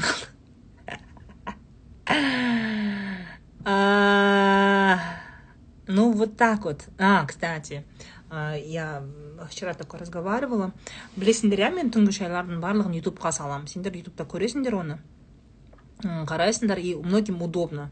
Телефонда қойып қояды немесе үйде телевизордан ютубты қойып қойып үй жинап сөйтіп тыңдап жүреді көп қыздар келіншектер. Ә, сейчас мы будем делать аудиоверсию. Аудио яғни spotify ә, apple music apple podcast ә, так spotify apple podcast и яндекс яндекс подкаст площадкаларіне түнгі шайлар шығады можно будет слушать за рулем. Ә, жалпы ә, жаңағыдай пробежкада жүрген кезде қыдырып жүрген кезде мынандай да оны удобно сондай яндекстан неден тыңдаған кезде удобно бүйтіп экранға бүйтіп қосып қоймайсың да ютубта обычно көрген кезде приходится же экран включенный же зарядкаң көп кетеді. Поэтому шайларды будем аудиоверсию загружать ә, на подкастные площадки. Вот. Осындай. Наушникпен ыңғайлы болады как будет готово сразу скажу. Кеше ғана бердім тапсырманы менеджерларға скоро выйдет. Да ютубтан қойып мен білемін бізде статистика бойынша көбіне где то отыз проценті телевизордан қарайды екен қалған жетпіс проценті телефоннан қарайды екен. Планшет пен компьютерден қарау өте ә, аз. Көбіне телефон немесе телевизор екен. Поэтому телефонда тыңдау жаңағы зарядканы өшір зарядканы экономдайды аудио подкасттар тыңдау. Зарядка экономдайды ә, по моему даже интернетті экономдайды. Сондай жағдай жасап жатырық яндекс подкаст spotify apple подкаст деген сондай площадкалерге шығарайын деп жатырмыз да актерское мастерство көрінбейді но вы же вы же меня знаете. Вк дейсің ба вк-ны ойламаппын как то вк ресейлік программа ғой деп ол жаққа вообще не қылмаппын даже не смотрела в эту сторону.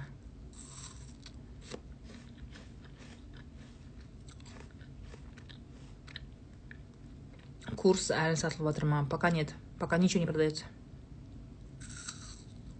Спасибо.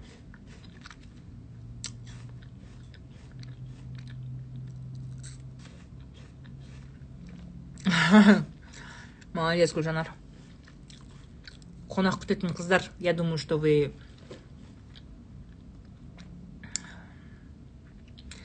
еркексіңдер ғой сендер ше қонақ күтетін жаңағыдай екі түрлі салат екі түрлі тамақ десерт самса бір бәле дайындайтын еще жаңағыдай шәй сүтпен шай. Вот это все соның бәрін ерінбей дайындап қонақ келген кезде уақытылы фу еткізіп дастарханды көлдіріп жайып салфеткілерді қойып бәрін организовать ететін бар ғой келіншектер бар сендер еркексіңдер ғой сендер ше.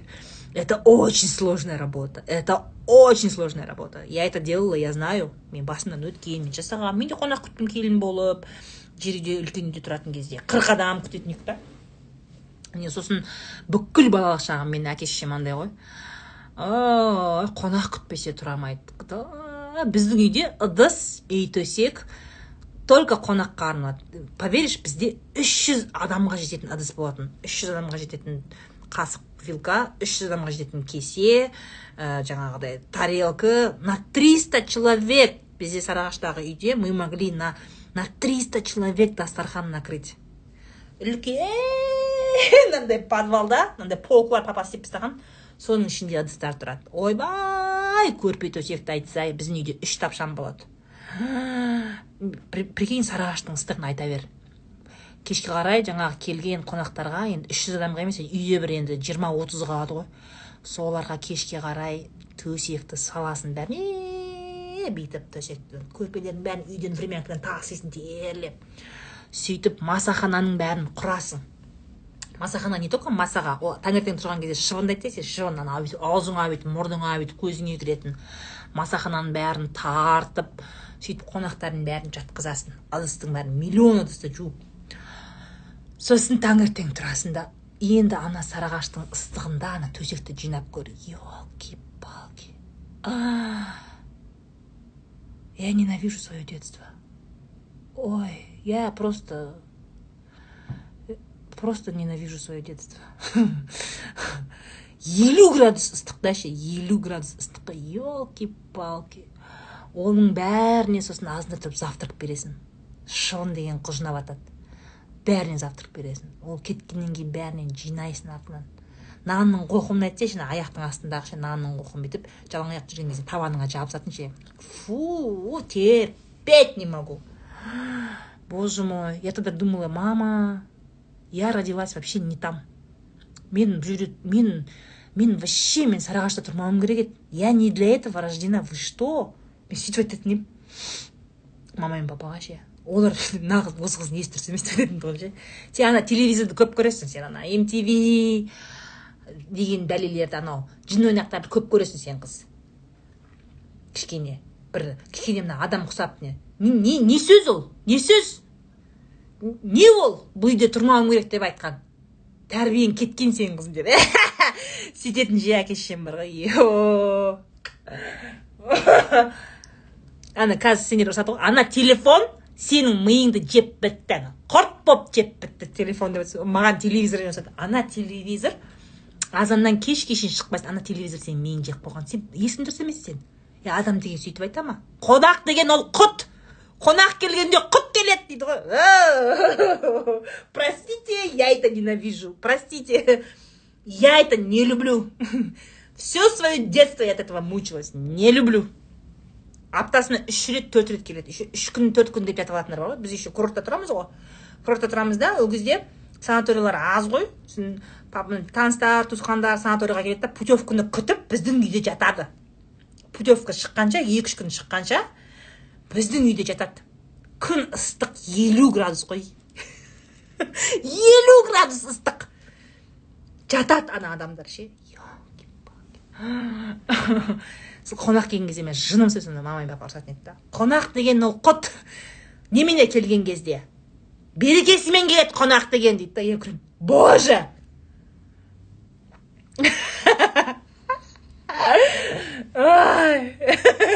Я поэтому свое детство ненавижу. Простите.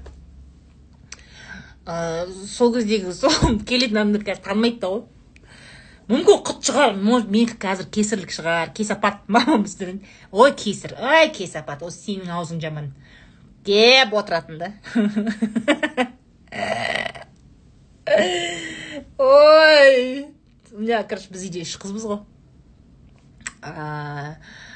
Мен енді үлкен болғаннан кейін сен саған нравится не нравится терпимая красавица ғой. Саған ұнай ма ұнамай ма ешкім сенен сұрамайды. Сен бәрібір істейсің соны. Ал ортаншы сіңлім осы жерде шымкентте тұрады. Ол өзі өзі ол өзі қыз болып ол дұрыс қыз болып туылған ше. Ол туылған кезден бастап ол прямо жаңағыдай өзі табиғи түрде қыз болып туылған. Ол кішкентай кезінде оған ешкім айтпайды да үш төрт жас кезінде ешкім оған рауана сен ыдыс жу демейді. Өзі су жылытып бүйтіп жерге қойып қойып ана кеселерді жуып отыратын оған ешкім ыдыс жу демейді.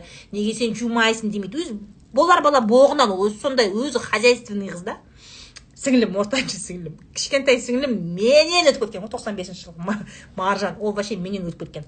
Меня можно заставить типа нравится не нравится терпимая красавица. Короче мен по любому істейсің. Сіңлім өзі сондай өзі хозяйственный істейді да. Ал младшая сестренка ты ее не заста атып тастасаң да ол ыдыс жумайды атып тастасаң да не істесең де үйде қуып жіберемін десең де ол ыдыс та жумайды үйді де жинамайды қонақ та күтпейді. Үйге қонақ қонақ келетін кезде андай болады ғой бүкіл төсектерді бәрін бір бөлмеге тығасың ғой анау болады ғой бір детскийға бірдеңеге үйіп тастайсың өзі сондай әр үйде сондай бір бөлме болады қонақ келетін кезде бүкіл заттарды апарып тастайтын ше сондай заттарды бір, бір бөлмеге тығып тастайсың ғой кірмеңдер ана жаққа кірмеңдер ол жаққа ашпаңдар деп ше сосын ең кішкентай сіңлім тоқсан бесте ең кішкентай сіңлім сондай сол бөлмеге кіретін еді. Да анау ар жағында көрпелердің ар жағына кіріп алып сол жақта ұйықтайтын тұғын. Кешке қарай қонақтың бәрі кеткен кезде біз рауан екеуміз өліп ыдыс жуып сөйтіп не істеп бәрін бітіріп уже есіктің алдын сыпырып жатқан кезде а не болды? Сол бөлмеден сөйтіп шығып тұрады еді а не болды? Қонақтар кетті ма? Не бар жейтін деп шығатын еді ғой. блин ше сонда қазір сол кезде мысалы айтатын еді ойбай мына қызды кім алады құрсын мынау ертең кімге байға тиеді деп ештеңе де болған жоқ бәрі де байға тиді ештеңе де болған жоқ все нормально күйеуге де тиді ештеңесі де жоқ тірлігін де істейді да ну это было прям вот так вот. Шығады а не қонақтар кетті ма? Жейтін не қалды деп шығатын еді жонымыз келетін еді да. Рауан екеуміз. Ой. Иә біз ауылдағы үйді саттық қой. Осы сарыағаштағы үйді сатқан кезде обычно анандай ғой көбісі ана ауылдағы үйлерін сатқан кезде қимайды ғой ше бүйтіп ауылым менің туған үйім бірдеңе жаңағы барған жерім менің кіндік қаным тамған жерім самый лучший дом деп қимай сөйтіп істейді біз мен даже даже бүйтіп қасым даже қимылдаған жоқ қой. Я вообще не расстроилась. Вообще. Я говорю мамаға айтамын. Мама говорю мама вообще мен сағынбаймын да ол үйді. Менің балалық шағым сондай менің күшті воспоминанияларым қалған жер деген жоқ қой вообще жоқ я говорю нет спасибо до свидания хотя у нас а, ауылда у нас один из самых, самых таких больших красивых домов жақсы жерде орналасқан болатын ше ну когда мы его продавали вообще андай бір настроением түсіп бір сәл бүйтіп қаймығып жаңағыдай а бекер сатылып жатыр деген а деген жоқ та. Сат атасына рет сат не қыласың? Вот так вот было представляешь? Настолько я вот қонақ күтуден это кеше бәрібір ше ыыы біздің оңтүстік регионның ыстығы басқаша ғой. Мысалы өткенде түркияға барып келдік қой. Түркияда ыстық иә қырық градус ыстықта ну как то теңіз болғаннан кейін ба бір бәрібір ыстығы басқаша ма? Не знаю короче. Кеше түркістанда жүрдік қой ана ыстық бар ғой вот этот ана у меня в голове флешбеки. Вот это вот жары из моего детства вот эти флешбеки күн ыстықта еще анандай шыбын андай деп шыбындар мына жақтан бүйтіп бүйтіп бүйтіп бүйтіп ана бетіңе бірдеңе жеп жатсаң бүйтіп келе береді шыбында ше это это мои это это моя детская травма это мои триггеры детства я ненавижу это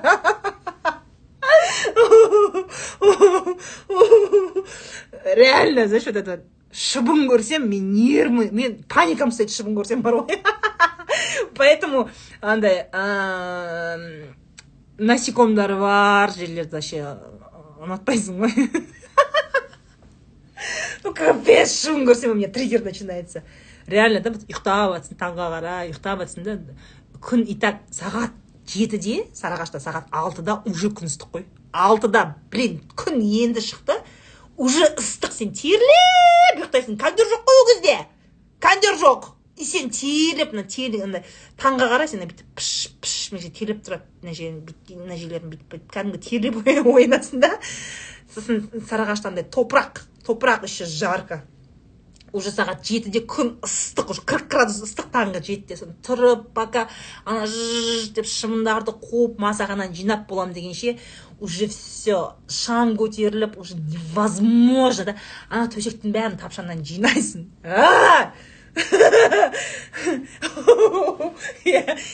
это, это моя детская травма. Да, это моя детская травма, поэтому я мне это вообще нет. Кто вспомнил свое детство?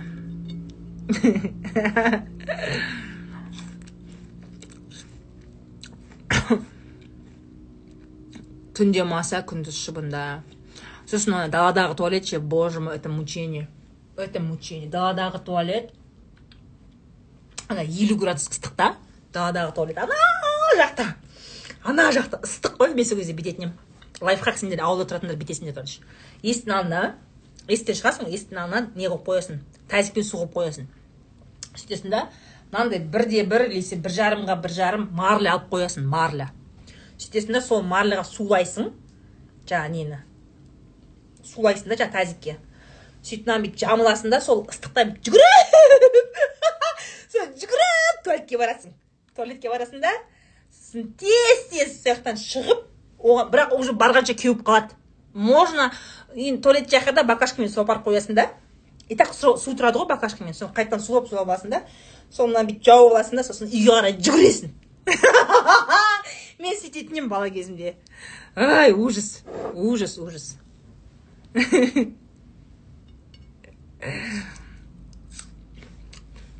Ауылда тұратын нәрселерге лайфхак.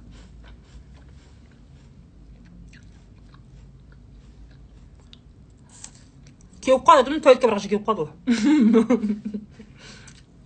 Зато нормально. Елу градус ыстықта нормально болып барасың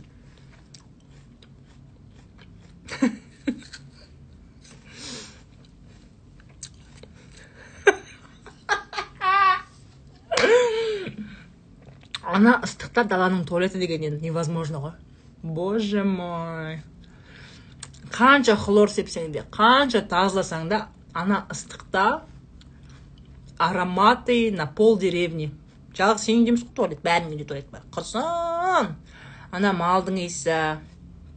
Басқа ауылда өзі сондай ғой ауылда өзі сондай ғой бүйтіп ауыл жаққа бардың ба сразу бірінші малдың боғының иісі келеді туалеттің иісі келеді. Түтіннің иісі келеді ауылда атмосфера вот вообще амбре арома ароматерапия ауылы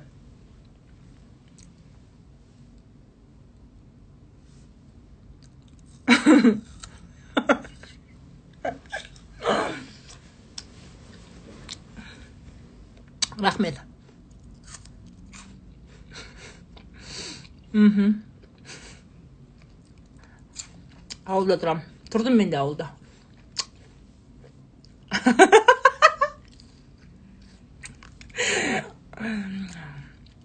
вот такие у меня детские травмы.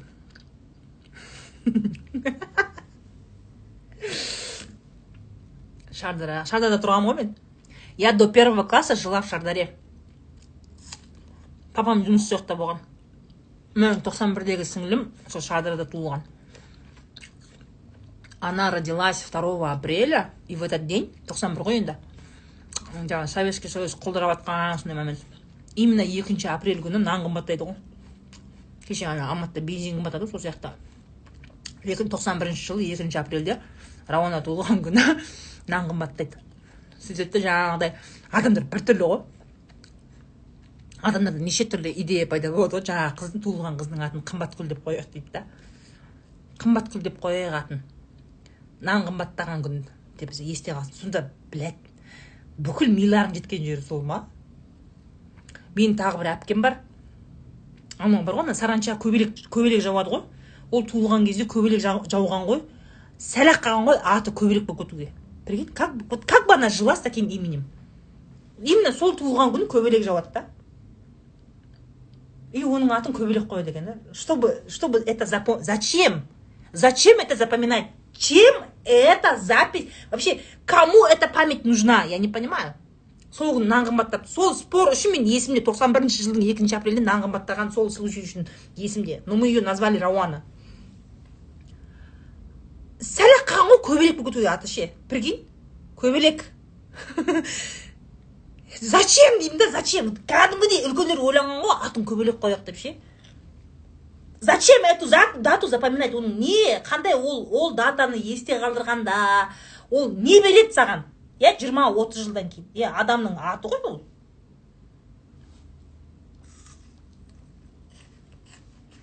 әйтеуір шешесі кішкене шатақ болған ғой.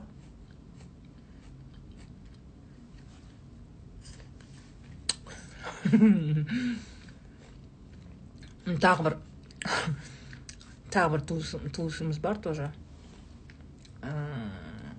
Именно жиырма екінші наурызда туылған да. Қыз ғой енді. Жиырма екінші наурызда туылған. Вот ее хотели назвать наурыз. Қазір көп қой ана балалар. Ана помните суперстарда ма бір жақсы өлең айтатын жігіт аты астана. Целиноградты ақмоланы астанаға аударған күні туылады да атын астана деп қойды. Жігіттің аты астана. Оның балаларының ертең фамилиясы қандай болады сонда. Астана. Мысалы қызының аты ә, не знаю сабина болатын болса сабина астана бола ма? Баласының аты алихан болса алихан астана бола ма сонда? О чем люди думают экспо дегендер баяғы советтің кезінде еще я понимаю жаңағыдай пойыз дегендер болды ғой совет дегендер қойды ғой неше түрлісін. Мысалы мэлс деген ат маркс энгельс ленин сталин мэлс деген аттар құрсын қазіргі кезде. Кеше ма неден зтбдан шықты ғой сондай пост. Ә, самые необычные имена. Бізде дайнерис бар екен ғой. Дайнерис. Бес қыздың аты дайнерис қазақстанда. Игра престоловты қатты көріп енді мен де көрдім игра престоловты. Сол екі мың он бірде шыққан кезде как раз баламды туғам. Мен енді оған джон сноу деп қойған жоқпын ғой баламның атын. Дайнерис қой қыздың аты можешь себе представить? Саммит дегендер. Базар жоқ баланың болашағын ойламайды әйтеуір қуа береді зачем азияда ля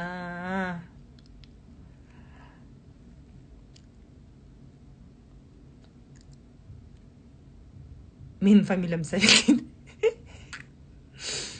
барби бар ма ой бля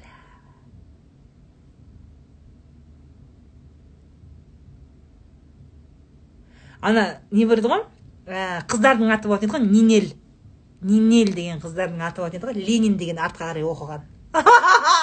Фантазия! Е бірақ ше ол кезде интернет жоқ телевизор жоқ адамдар кітапты оқи бермейді. Ә, телевизор бар ғой енді бірақ сол телевизордан сол радио мен телевизорда тек қана сол сталин ленинді көрсете бергеннен кейін басқа фантазия ештеңеге жетпейді да адам кругозорлар аз ғой. Содан кейін қойған шығар нинел деген болатын еді ғой Елка водит. Какой кошмар. Рига.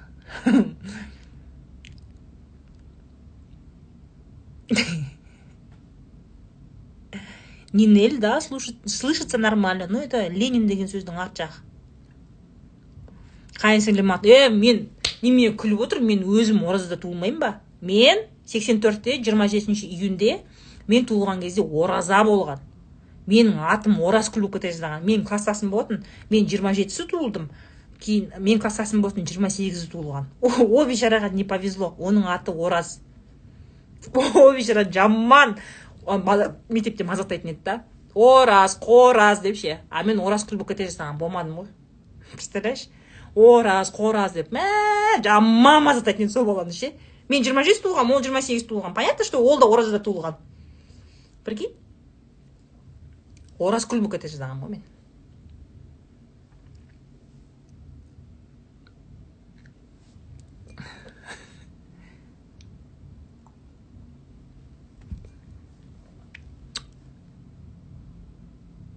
сізге қандай есімдер ұнайды маған өзіміздің қазақша аттар ұнайды бірақ қазір ше қайрат серік берік болат деген аттар жоқ иә әлихан қазір не? Қандай не қойып жатыр қазір? Мен білмеймін последний раз он екі жыл бұрын тудым ғой.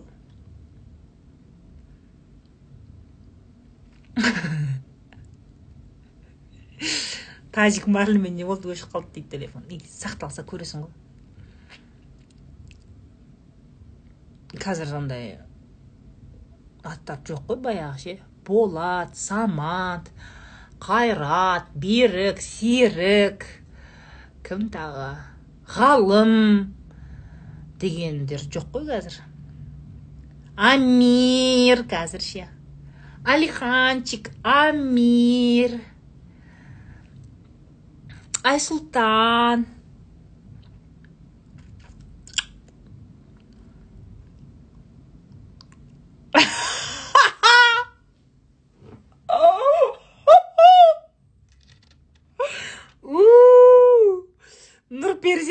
інім бар дейді базар жоқ базар жоқ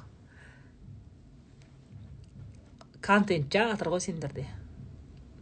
Тимур тимур хорошее имя. Диас. Диас очень такое хорошее имя мне кажется тоже. Расул. Хан мен сұлтандар ма бәрі? Қаржаубай жаңғырбай ну нормально. Жансерік азамат азамат деп қазір көп қоймайды иә кажется бұрын көп қоятын еді ғой азамат иә азамат деп бұрын көп қоятын қазір аз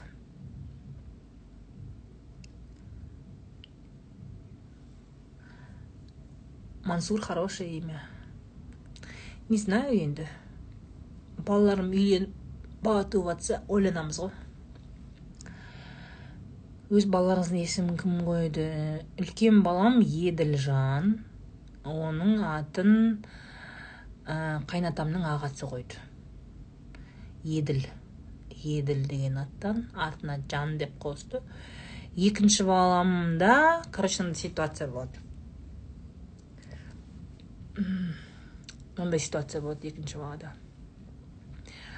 Екінші балада мен көтердім и мы с мужем решили что узида не будем смотреть пол. Иә кім ұл ма қыз ба қарамаймыз деп. Сөйтіп келістік та. И где то сегіз ай болған кезде ма мен түс көремін ә, түсімде бір ата на лошади андай не ғой енді ол? Білмеймін бәрінің түстері бірдей шығар бір какой то вот старик на лошади. я беременная стою он мне показывает на, на мой живот и говорит на баланың аты сабыр дейді этот дедуля говорит на баланың аты сабыр деді а мы пол ребенка не знаем и а, я мужу говорю осылай айтты деп и он говорит ну посмотрим может қуғанский бірдеңе шығар деп сонымен ә, майда ол босанамын 19 мая и когда он родился, я спросила акушерку, это мальчик? Она сказала, да, это мальчик. И күйеуіме айттым как бы давай этот не будем играться. Құрсын қалдырайық сондай ат болсын деп. Сонымен солай болған сөйтіп сабыржан еділжан ағасына ұқсасын деп сабыржан деп сөйтіп қойғанбыз. Вот такая вот история. Почему то как то вот қазақпыз ғой қорқа береміз ғой сақалы бар шалдардан. сақалы бар сондай шалдарды ой деген кезде қорқа береміз ғой қазақтар. Вот сондай түс көргем ну как то вот так вот совпало. Не знаю что это означает. Вот.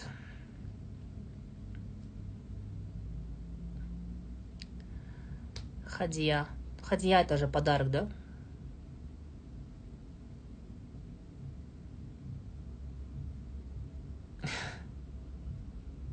рахмет. Ертүрік дейді. О базар жоқ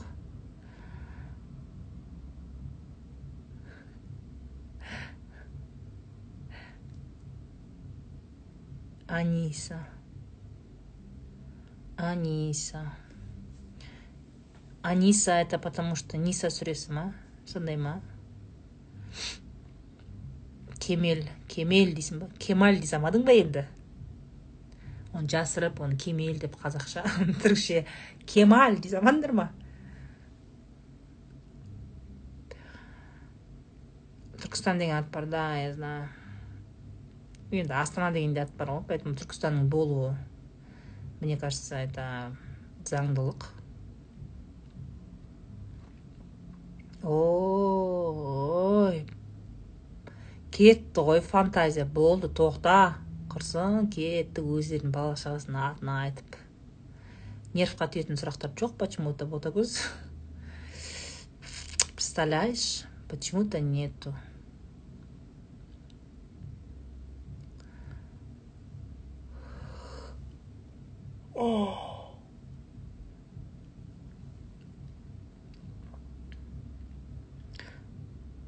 Искандер. Искандер ескендір ғой кәдімгі.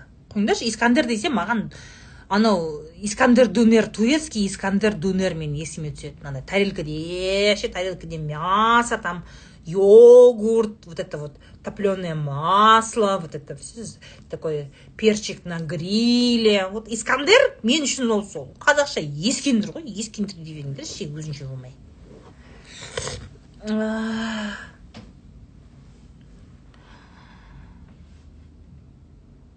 Кішкентай кезде тамақ оған қалай ұмытуға болады? Ну ты наверное оны ұмытып кете алмайсың? Надо идти к психологу психотерапевтке бару керек қой. Психотерапевтке бар. Онымен жүре берме если тебя это волнует если ты чувствуешь себя плохо сходи к психотерапевту.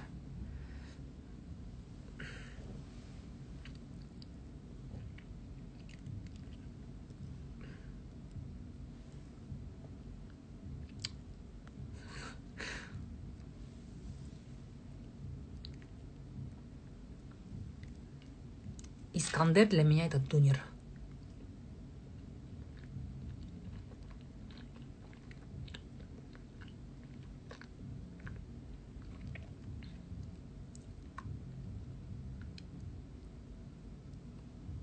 той дейсің ба ой той күшті өтті ғой той жынды өтті ғой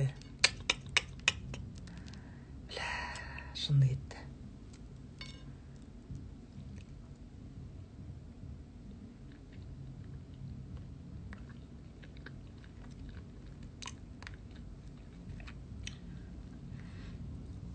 той әдемі болды знаешь такой вот? Продуманный организованный и он был правильный. Андай тосттар көп емес өзі нақты нақты ғана адамдарды шығарады тостқа топтастырып ә, нормально сөйлейді деген адам. Сосын ана идиотский ойындар жоқ ше ана бір андай бір қуғанский пошлый ойындар болады ғой ондайлар жоқ.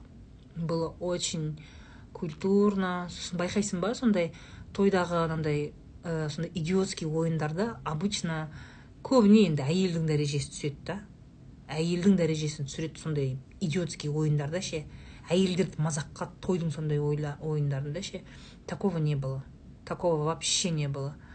Сосын жалпы тілектердің көбісінде андай енді айтады енді үлкен кісілер болды айтты ғой енді үлкен кісілер өздерінің туысқандары бірдеңелер жаңағы үлкен шалдар солар айтады ғой енді енді қызым енді осы үйге енді тастай батып енді су тайсын енді. Осы сені шығарып салдық деп ана жаңағы өздері келген кезде қыз жақтан өздері құдалар келген кезде жаңағы әжелер солар келді. Осы осы үйден енді осындай деген сияқты сондай тосттар болды. Но в целом жаңағы шақырған кісілер ана кім мұхамеджан тазабековтың сөзін салдым ғой мысалға да. Ол да жаңағыдай ну там знаешь такие очень адекватные адекватный сөздер болды. Иә тілектер өте адекватный болды. Жалпы негізі ә, лауралардың семьясы жақсы ғой бауырлар между собой өте андай бауырмал бір біріне қатты поддержка жасайды и тойда сол қатты көрінді ғой. Бәрібір да бауырлардың қандай екені тойда көрінеді. Бауырлардың ә, туған туыстың қандай екені тойда көрінеді да. Прям күйеу балалары жаңағыдай өзі туысқандары вот прям отрабатывали просто халал той ғой сосын алкоголь жоқ. Было весело. Вообще ә, қарап отырсаң негізі алкогольсіз тойлар өте әдемі өтеді. Өте әдемі өтеді. Андай спокойно өтеді ше. Без сюрпризов бір бірлерін тыңдайды иә алкогольсіз тойларда адамдар бір бірін тыңдайды ыыы жаңағыдай күтпейді да алкоголь тойларда ғой бір бірін тыңдамай әр стол өздері біліп қуып жүреді да. Вообще ал өзі и так ой как вам объяснить? Өздері тек депрессияда өзі сол ауылдарда тұратын келген кезде туған туыс келеді ғой регионда тұратындар. Өздері депрессияда сөйтіп шаршап жүрген адамдар олар еще алкоголь ішетін болса қуа той деген бітпейді қайтара алмайсың сондай болып кетеді ғой. Поэтому классно было. Самый конечно вишенка на торте это конечно же был қайрат нұртас все равно қайраттың тойдағы атмосферасы енді вообще ғой вообще блин любой тойды жандырып жібереді ғой любой тойды. Знаешь қайрат келеді деп айтылған жоқ та бірақ ә, жақсы әншілер келеді кетіп қалмаңыздар деп айтты тамада ше. Ол тыңдамайды ғой қазақ деген. Пакеттерге заттарды жинап алып келе жатып тойбастарларын алып кететіндер уже біраз кетіп қалған. Где то ну я не знаю где то тридцать процентов где то гостей уже ушли қайрат келгенше ше и бір кезде соңғы тосттың алдында бәрі кетіп қалады ғой бір кезде свет өшеді да дейді да. Қайрат нұртас кір келген кезде вау тойхана бәрі вау деген соң ана официанттар бәрі ше о ана жерде биші қыздар бәрі вау прикинь да вот вот его не было да и он такой свет өшеді да и бір кезде функ на на на на ой как он залетает иә бірінші ойым да бірінші ойым сондай болды да бағана өздерінше үйлеріне асығып кетіп бара жатқандар қазір. Ой іштері ашыды ау деп ше. Реально ғой негізі тойда до конца отыру керек қой. Пакетке тамақ салу ұят деп ойламаймын. Сендер өйтіп айтпаңдар. Лучше алып кеткен дұрыс. Лучше алып кеткен дұрыс ол. Әр жерге ол қалады ол ыыы босқа төгіледі ол тамақтың бәрі ше. Алып кеткен дұрыс. Мен оны дұрыс емес деп ойламаймын. Алынған дұрыс. Поэтому ұялмаңдар пакет таратып берсе көтеріп көтеріп алып кетіңдер. Лучше алып кеткен жақсы. Дастархан қонаққа жайылады ғой. Жегенше жедің жемегеніңді алып кет. Сарқыт сарқыт деген не ол? Біздің ол сарқыт это же целый целый не ғой бұл қалай айтсам болады это целый біздің білмеймін это біздің бір дәстүріміз это, это наш культурный код сарқыт деген. Поэтому до конца отырамыз дейді. Гонорарын білмеймін енді. Алыңдар сарқыт. Никогда ұялмаңдар ты че алып кетіңдер. Мен алатын едім менің балаларым менің балаларым да күйеуім де ә, не то что кешегі обедтегі істеген тамақты кешке жемейді. Просто вот вот они втроем сондай кірпияз жемейді олар. Біз үйде тамақ істеген кезде біз ровно төрт адамға істейміз да сол жерден жеп қоямыз болды. Азғантай ғана істеп сол жерден жеп қоямыз потому что смысла нету. Ол ол тамақ бұзылмайды нап нормально тура сол. Жемейді просто. Мен жей аламын мысалы үшін да. Ана үшеуі жемейді мен поэтому мен аламын енді бауырсақ аламын бауырсақтан по любому они не отказываются. Бауырсақ аламын самсушки беру. А, былай негізі фрукты алма банан алып әуре болдыңыз жоқ мен балам фрукты жемейді вообще. Не знаю они екеуі де маған ұқсаған. Я не ем фрукты я ем апельсины ем ә, жүзім жеймін сосын клубника малина жеймін алманы мен бүйтіп мына жерде бүйтіп кесіп қойса вот мен жаңа не хотела десерт заказывать нарезку фруктовую нарезку заказала. Өстіп кесіп қойса бүйтіп кеміріп отырып жеуім мүмкін бірақ бүйтіп құшарланып отырып фрукты жемеймін менің балаларым да жемейді. Біздің жейтініміз овощ в основном. Огурцы бір нәрсе помидор вот такой вот.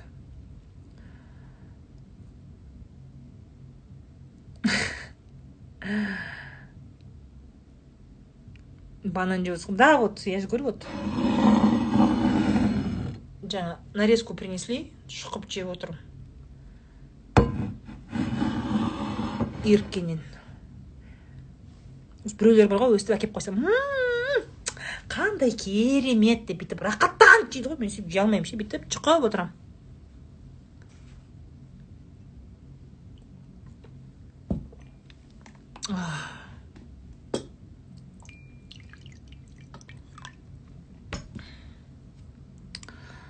роза ханым бүгін, бүгін жігітіммен ара қатынасымызды үздік тойға дейін бардық бірақ бүгін мен сенімен тұра алмайтын секілді бір сезім болып жүр дейді. Енді не істесем болады? Ата анамызбен таныстық. Ой ештеңе де қылмайды. Қайта ертерек айтқанына рахмет те үйленіп алып үйленіп болғаннан кейін ой че там мен сенімен тұра алмайды екенімнен гөрі қазір айтқан дұрыс не танысса? Не болыпты танысса я не понимаю почему для вас ата ананы таныстыру или там я не знаю вот это вот алдын ала бір бір танысып қою неге сендер үшін бір критично ну и что? Ну и что таныссаң сен қайта қуанбайсың ба что проблема возникла до свадьбы. До свадьбы проблема возникла. После свадьбы болса мен саған көретін едім сол кезде артқа қайтарға жол жоқ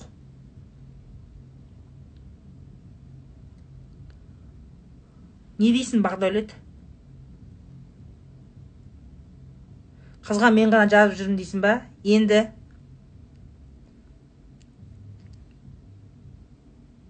А? Енді? Сонымен? Ана мен ғана іздеймін дейді. Проблема неде? Водолет ашып жазшы. Как что делать? У нее спроси мен саған жазып жүрмін. Сені іздеймін жазам сен маған ұнайсың. Ары қарай мне стоит дальше налаживать с тобой контакт или не надо? деп сұра. Бетіне былш еткіз бақдәулет былш еткіз бетіне сұрасай прямой сұра не надо угадывать чьи то мысли вы не умеете читать чьи то мысли сосын қыздарда да ұлдарда да сондай манипуляция болуы мүмкін. Типа отвечу через три дня кішкене қыздырып қыздырып холодно тепло холодно тепло жасайын. Сол кезде ол маған ә, зависимый болады бір бәле сол кезде ол маған қызығады. Если сразу жауап берсем ол мені құнды деп есептемейді деген сияқты сондай манипулятивный әңгімелер бар ғой. Не знаю не знаю. Возможно эта девчонка тоже да сидит сейчас думает Бадалет сейчас написала мне отчитываем время. Двое суток примерно двое суток. Екі күнде жазбай жүремін сразу жауап беруге болмайды бірақ өзім мына жақта сообщение алғаннан кейін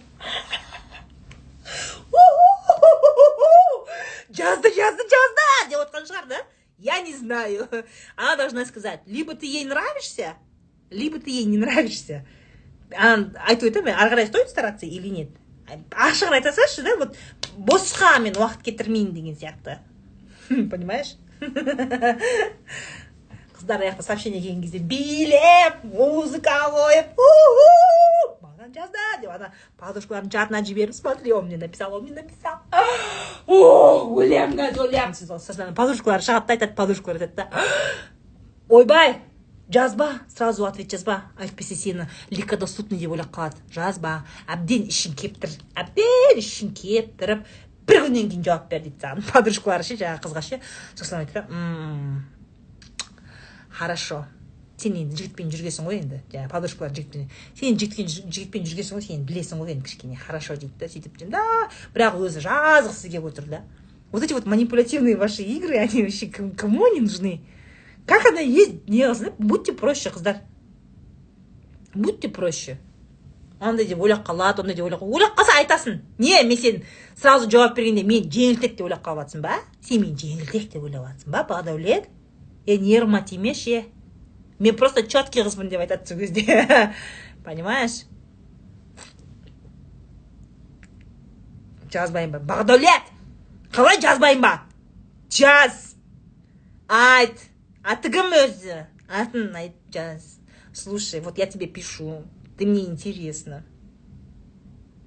Ұнайсың сен маған. Бірақ ә, жауап беріп жатқан жоқсың жоғалып кетесің. Может сеть ұстамайтын жерде тұратын шығар бақдәулет нормальный жерде тұра ма ә, сеть нормально ұстай ма үйінде? Білмеймін ғой енді сен білсе ол неге өйтіп жүргенін.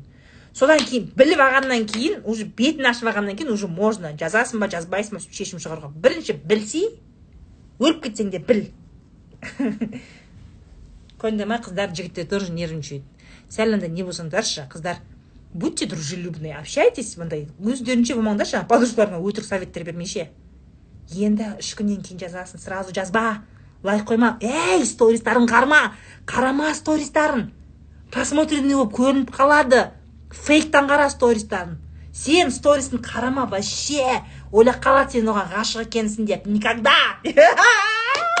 девчонки я ваши все секреты знаю. О чем вы там общаетесь? Я все это знаю.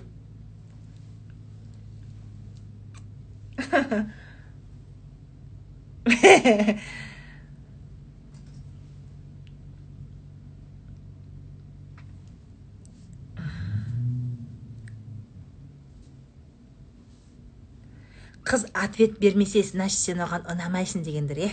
Құрып кеттіңдер ше сендер не қыздар сендер не білмейсіңдер ма не? Өздерің сондай әдеттеріңді? Типа ұнаса да айтпай. Типа недоступная загадочная. Такая загадочная недоступная. Андай қыздар бар ғой. Аваға даже бүйтіп түрін қоймайтын ше ана инстаграмға аваға бүйтіп түрлерін даже қоймайтын загадочная сторис түсірген кезде тек қана бетінің жартысын түсіріп или там только частями себя выкладывает көзін бүйтіп или сәл артқа қарап бүйтіп сондай өзі загадочный қыздар бар ғой. Сондай қыздар бар. Вот солар сөйтуі мүмкін. Так что жазбады ма значит ұнамайды деген сөз емес. Просто она хочет быть наверное загадочной для себя сен сен бір сен точносын біліп ал бақдәулет сосын барып не істейсің. Жаңағы әлгі? Сосын шешім шығарасың. Біліп ал. Не болса да өліп бара жатсаң да біліп кет. Өзінше недоступный болғыларың келе ма? Анда бүйтіп сторисқа бүйтіп жарты бетіңді шығарып бүйтіп артқа қарап бүйтіп түсетіңдер ше. Бүйтіп қыздар бүйтіп бүйтіп сторисқа түсетіндер бүйтіп ше анда санда айына бір рет сөйтіп бір сторис шығару мүмкін бүйтіп или просто бүйтіп загадочно бүйтіп қолын ба бір жерін ше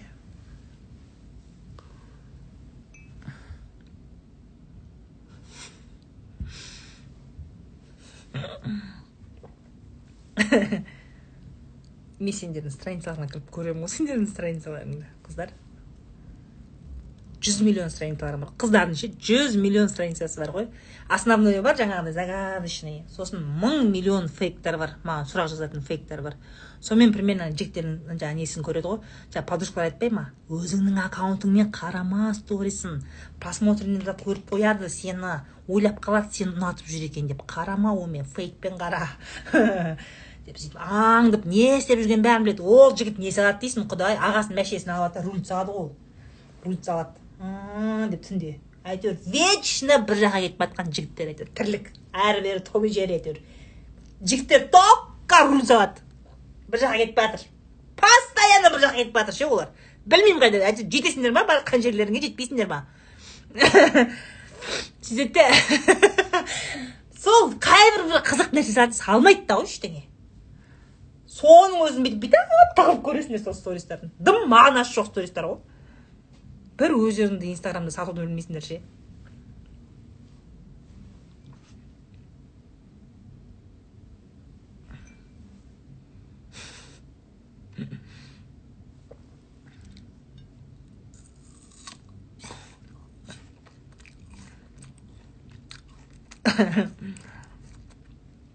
О номер машины обязательно Meu Deus, mas tem limão, bebê limão.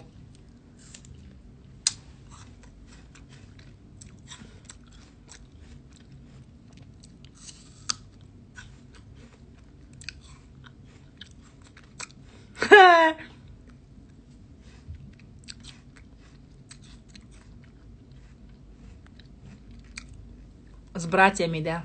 Браттармен бауырым ана арасында бүйтіп музыка қатты қойып немесе ха деп бір бірлеп күліп жатқан отрезок болады ше андай жігіттермен өздері ше бір бірлерге қарқылдап күліп жатқан момент тастап қояды ше не не айтқың келеді сонымен что ты хочешь этим показать парень скажи мне что ты хочешь этим не не айтқың келеді сол браттармен жаңағыдай бір бірлеріне айтып mesela ха ха ха деп өздері күледі ғой жігіттер сондай отрезок бір бес секундтық сондай отрезок тастап қояды да не еще андай черно белый бізде жігіттер сосын черно белый қылып салады цветной қылып салмайды обязательно черно белый қылып салады не не айтқың келеді сонымен. И қыздар. Андай загадочный. Әйтеуір бір бірлерімен тіл табыса алмай жүрген әйтеуір қыздар мен жігіттер әйтеуір. Не қыздар түсінбейді жігіттердің сторисін. Не жігіттер түсінбейді қыздардың сторисін.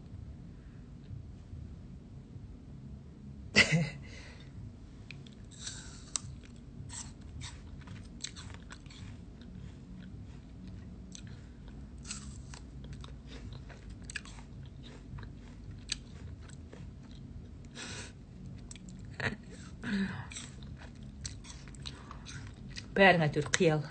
Әйтеуір бір бір бір бірлерің дұрыс тауып әйтеуір дұрыс семья болыңдар айналыңдар қиялдап жүріп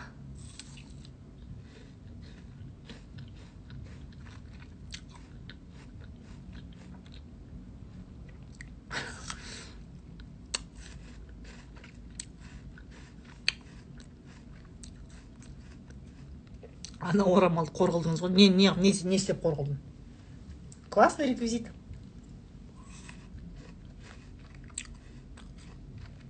Сторисқа намектап салсаң нені намектап нені намектайсыңдар қыздар? Не намектайсыңдар мен түсінбеймін. Не намек? Ана қыздар ше бүйтіп бүйтіп түскен кезде не намек не айтқың келеді сонымен? Что ты хочешь этим донести? Что то загадочное или что? Или жаңағыдай подругаңның гүлін алып как будто саған бергендей қылып суретке түсіп соны сторисқа салған кезде что ты хочешь сказать? Жігіт это четко понимает. А мынада гүл бар значит бұнда жігіт бар дейді да болды он это понимает. А гүл берді ма значит этот. Значит жігіті бар дейді да болды он не будет писать тебе. Если ты думаешь что типа мен жаңағы подружкаңа берген гүлді алып түсіп сөйтіп түскенге ол қызғанып кетеді да маған гүл берген стористан көріп қызғанып кетеді да сосын маған жазады деп ойласаң қателесесің. Он просто мужик просто парень просто думает а гүл берген значит оның жігіті бар а все менде шанс жоқ дейді болды он отворачивается уходит.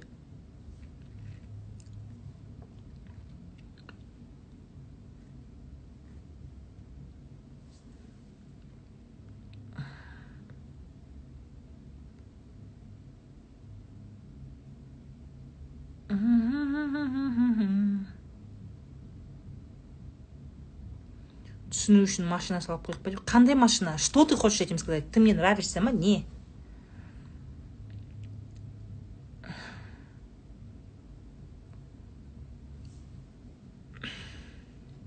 Курс не жатыр а сейчас никаких продаж нету. Продаж пока нету. Ертең ба айтады у меня сейчас команда жиналыс жасап жатыр ертең ба айтам. Қашан қандай курс болатын? Что посоветуете дейді не нәрсеге? Не нәрсеге.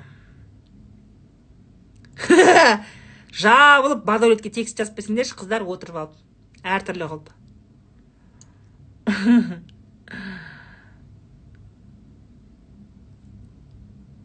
не тек қана қыздардың ғана сұрақтарын оқи береміз ба жігіттердікін де оқиық та құрсын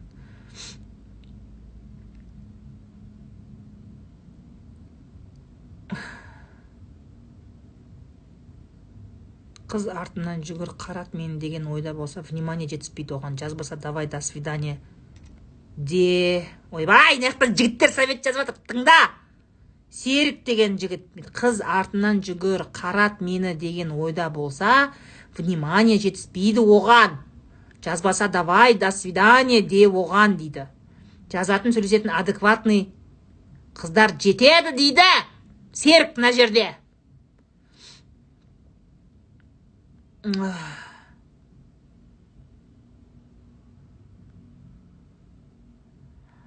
Дейді мужа жена ұрысқан кезде еркек қатын ұқса бәрін теріп айтса не айтасыз дейді. Ну азиза это не конфликт. Яғни конфликттің өзі ұрсысудың әйел мен күйеудің ұрсысудың өзінің правиласы бар этикеті бар иә? Когда конфликт переходит на такое вот типа на оскорбление типа сен бұндайсың сен мен саған өкінемін бекер тиіппін саған деген кезде сен қатын емессің бір бәле қатын сияқты түрің жоқ бір бәле деген сияқты. Сондай уже вот это вот личностное оскорбление. Сен сөйткен кезде мен мен сөйтіп ойладым деген деген уже да андай мәні жоқ конфликт когда конфликт идет уже бессмысленно иә ұрыстан ұрысқа ешқандай шешімге келмесе это пустые конфликты на которые тратится очень много энергии и при этом вопрос не решается бізде к сожалению қазақтарда дұрыс коммуникация құра алмайды отбасыларда сөйтеді де тек қана жаңағы взаимный обвинение біреудің андай несін теру бір бірінің мінін терумен ә, не істейді өте көп уақыт өткізеді да. Сөйтіп ұрыса береді ұрыса береді. Міне жаңа үйленген кезде бастайды сондай ұрысты. Бір кезде қарасаң жастары екеуінің отыздан асып кеткен бір кезде қарасаң қырықтан асып кеткен. Так и тіл табыспаған а проблема осталась. Понимаешь андай гж гж гж гж төбелесе береді да қырыла береді да. Но проблема шешілмейді. Өйткені олар нақты не нәрсе уайымдап тұрғанын өздері айта алмайды да. У нас вот проблема вот коммуникацияның жоқтығы осы жерде ше. Не сені да мысалы әр нәрсеге тиісе беруі мүмкін. Мысалы да сен мындайсың сен бұндай емессің а нужно же просто сказать на самом деле мне от тебя внимания не хватает. Әйелдер өйтіп айта алмайды мындай да? Сен бүйтпеген сен сол кезде сен маған кезінде сөз беріп едің ғой. Енді болса туысқандарыңның сөзін айтып шығып жатсың маған маған деп кетесіңдер сосын ше. А на самом деле ты должна сказать мне не хватает твоего внимания твоей поддержки я чувствую себя одинокой деп айтпайды жігіттерде сен басында келіскен кезде осындай бекер не істеппін үйленіп қойдым негізі біз асығыстық жасаған сияқтымыз деп мысалы еркек сөйтіп айтады да әйелге ше а женщине это больно слышать саған үйленерде асығыстық жасап қойыппын деген сияқты әңгіме айтқан кезде женщине очень больно это слышать, потому что она уже родила ребенка, она у тебя отпахивает дома, как ешак. үйің боғын жуып сен сумен кіріп күлмен шығып жатқан келіншекке кезінде асығыстық жасаппын деп үйленгенмін деп айтқан кезде ей это пиздец больно и сол кезде жігіт айту керек та тіл алмаймын мен де қиналып жатырмын сенің тіліңді таба алмай сенің ойыңдан ойыңды түсінбей мен де қиналып жатырмын деп айта алмайды ана еркек сорлы ше сөйлей алмайды анау айта береді жаңағыдай саған кезінде асығыстық қылыппын бір бәле немесе өзінің қателігін мойындай алмайды иә қазір мен саған поддержка бере алмай жатырмын потому что родители на меня давят қазір мен бірдеңе деп сенің жағыңа қарай шығып бірдеңе дейтін болсам ол екеуі маған қатты ренжиді мен әке шешемді ренжітуге қорқамын деп айтпайды ғой ана сорлы еркек мен сол кезде саған сеніп не істеппін дейді. Қалай қалай еркектердің аузы барады сондай әңгіме айтуға? Она у тебя 24 на 7 пашет у тебя дома. Сондай ауыр сөз айтып отырады да. И бұндай ұрыстардан ешқандай пайда шықпайды. Проблема шешілмейді. Екеуі де ішіндегі нәрсесін айтқан жоқ.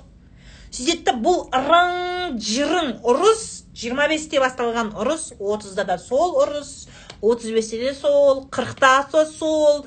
Қырық беске келген кезде уже әке шешелер сонша қырылысқан туысқандары өледі.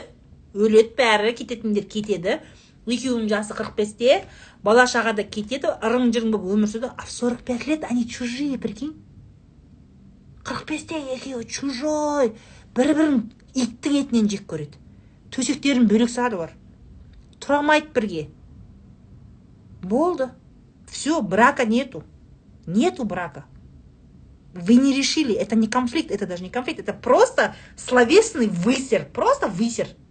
Просто словесный высер это даже не конфликт.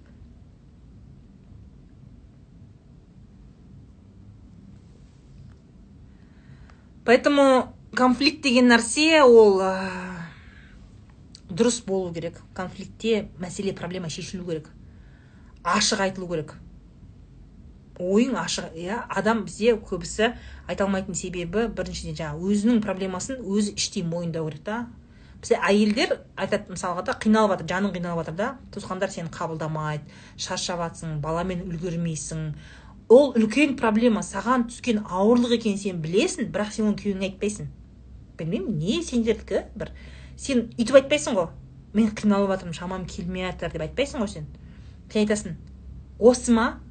осы ма бөлек тұрамыз деп айтып едің ғой бәле болды да сенің туысқандарың деген әңгіме айтасың да это не разговор вообще это вообще не разговор оскорбление претензии это не разговор ну вы так делаете вот сендердің әңгімелерің сондай дұрыс айта алмайсыңдар сендер әңгімені сенің туысқандарың қанды ішіп бітті осындай болатынын білгенде мен саған тимейтін едім деген сияқты әңгіме айтасыңдар да. Ә, диалог құра алмайсыңдар сөйлесе алмайсыңдар. Поэтому әйтеуір үйленіп аласыңдар үйленіп аласыңдар бірақ үй болу мәселесінде профессионализма у вас не хватает. Вы думаете үйлендік болды махаббат сол күйі мәңгілік болады отбасы болып кетеміз. То есть той болса отбасы болып кетеміз деп ойлайсың да так не бывает. Отбасы болу үлкен жұмыс үлкен өзгеріс. Ә, кейбір кейбір ә, жастар ерте үйленеді да бірақ ерте үйленсең де ә, сол қарым қатынас құруды бірге үйрену керексіңдер да. Әйел де еркек те ерте үйленсеңдер именно қарым қатынас құруды үйленіп болғаннан кейін де үйрену керексіңдер. Ал жалпы негізінде ә, әрине ә, отбасы құруға адам толыққанды өсіп барып өсіп барып отбасыға қадам жасау керек та. Яғни өзімен мысалы өзімен өзінің ойын нақты айта алатын адам тұрмысқа шыққан кезде қиналмайды. Или үйленген кезде қиналмайды. Иә өзінің ойын нақты айта алатын жігіт үйленген кезде қиналмайды. Өзінің ойын нақты айта алатын қыз үйленген кезде қиналмайды. Екеуі бір бірімен әйтеуір проблема болса бірге жеңіп бірге команда болып жеңіп кетеді да. Ал ә, даже айтып отырмын ғой бізде келіншектер өзінің ішіндегі проблемасын айта алмайды еркектер де айта алмайды. Өзінің ішінде қазір не болып жатыр не нәрседен қиналып жатсың қандай қиындық бар екенін өз өзі сезіне алмайды мойындай алмайды және оны дұрыс жеткізе алмайды. Сөйтеді бүкіл болі ішінде өледі. Еркек кетеді ішеді қуады қатын қуады ойын бір бәле әйел не істейді? Әйтеуір бала тусам жөнделіп қалар дейді туа береді туа береді туа береді жұмысқа шықпайды. Немесе тумайтындар бар олар қашады. Жаңағыдай бір кетеді бір келеді әйтеуір бірдеңе. Жұмыста қашуы мүмкін тірлікпен өзін, өзін загружать етеді. И в итоге у них контакта нету вообще. Потому что элементарно они не умеют проговаривать свои желания свои позиции не умеют проговаривать. И айтатын сөздері только претензия немесе жертвенный айтады неге ұрыс шығады? Потому что сөзің жертвенный позициядан айтылады. да, твои слова проговариваются как жертва. Вот такая проблема, я из-за этого страдаю. Да, осындай проблема, сенің кесіріңнен я страдаю. Да, вот. То есть жертва, сен абьюзерсің деп көрсетеді, немесе сенің туысқандарың абьюзер, яғни нейтральный тонда айта алмайды өзінің қазіргі ситуациясын бір біріне нейтральный тонда жеткізе алмайсыңдар вы все играете в драматический треугольник карпмана абьюзер жертва спасатель. Абьюзер жертва. Ой драма деген жетеді сендерде понимаешь? Поэтому осы мәселеде почему конфликт идет? Учитесь нормально разговаривать нейтрально без манипуляций без попытки впихнуть в чувство вины. Вот прям өте нейтральный болуға тырысу керек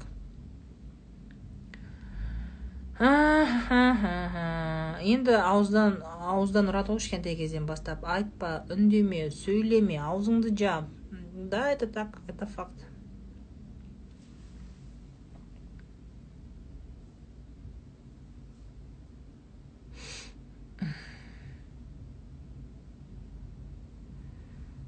А все он екі болды мен де қазір шығамын эфирден.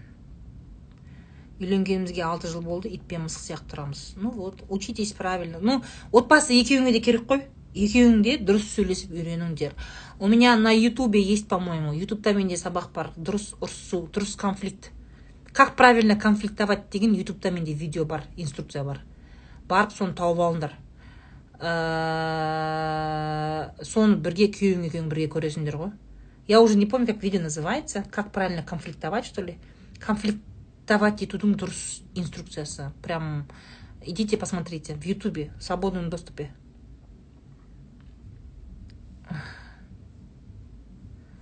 барып менің ютуб каналыма жазылып алыңдар ютуб қандай сізде роза шырбаева просто роза шырбаева канал найдете сол жерде бар біраз сондай не там помимо того что у меня есть түнгі шайлар түнгі шайлар бар ә, шопыр қыз бар. И осындай сабақтар бар. Ә, жаңағы ақша табу жайлы ә, конфликт жайлы выгораниедан құтылу жайлы мини курс бар. Все в свободном доступе открыто барып көрсеңдер болады. Сол. Все всем спасибо. Всем хорошего вечера. Спасибо, что сидели со мной, общались за настроение ваше. Обязательно эфирлердің астына комментарий жазыңдар. Обязательно жду от вас комментариев. Комментарий арқылы сезем, білем, сендерге не керек, қандай контент айту керек. Поэтому обратная связь ваша для меня очень важна. Всем спасибо, всем спокойной ночи, пока.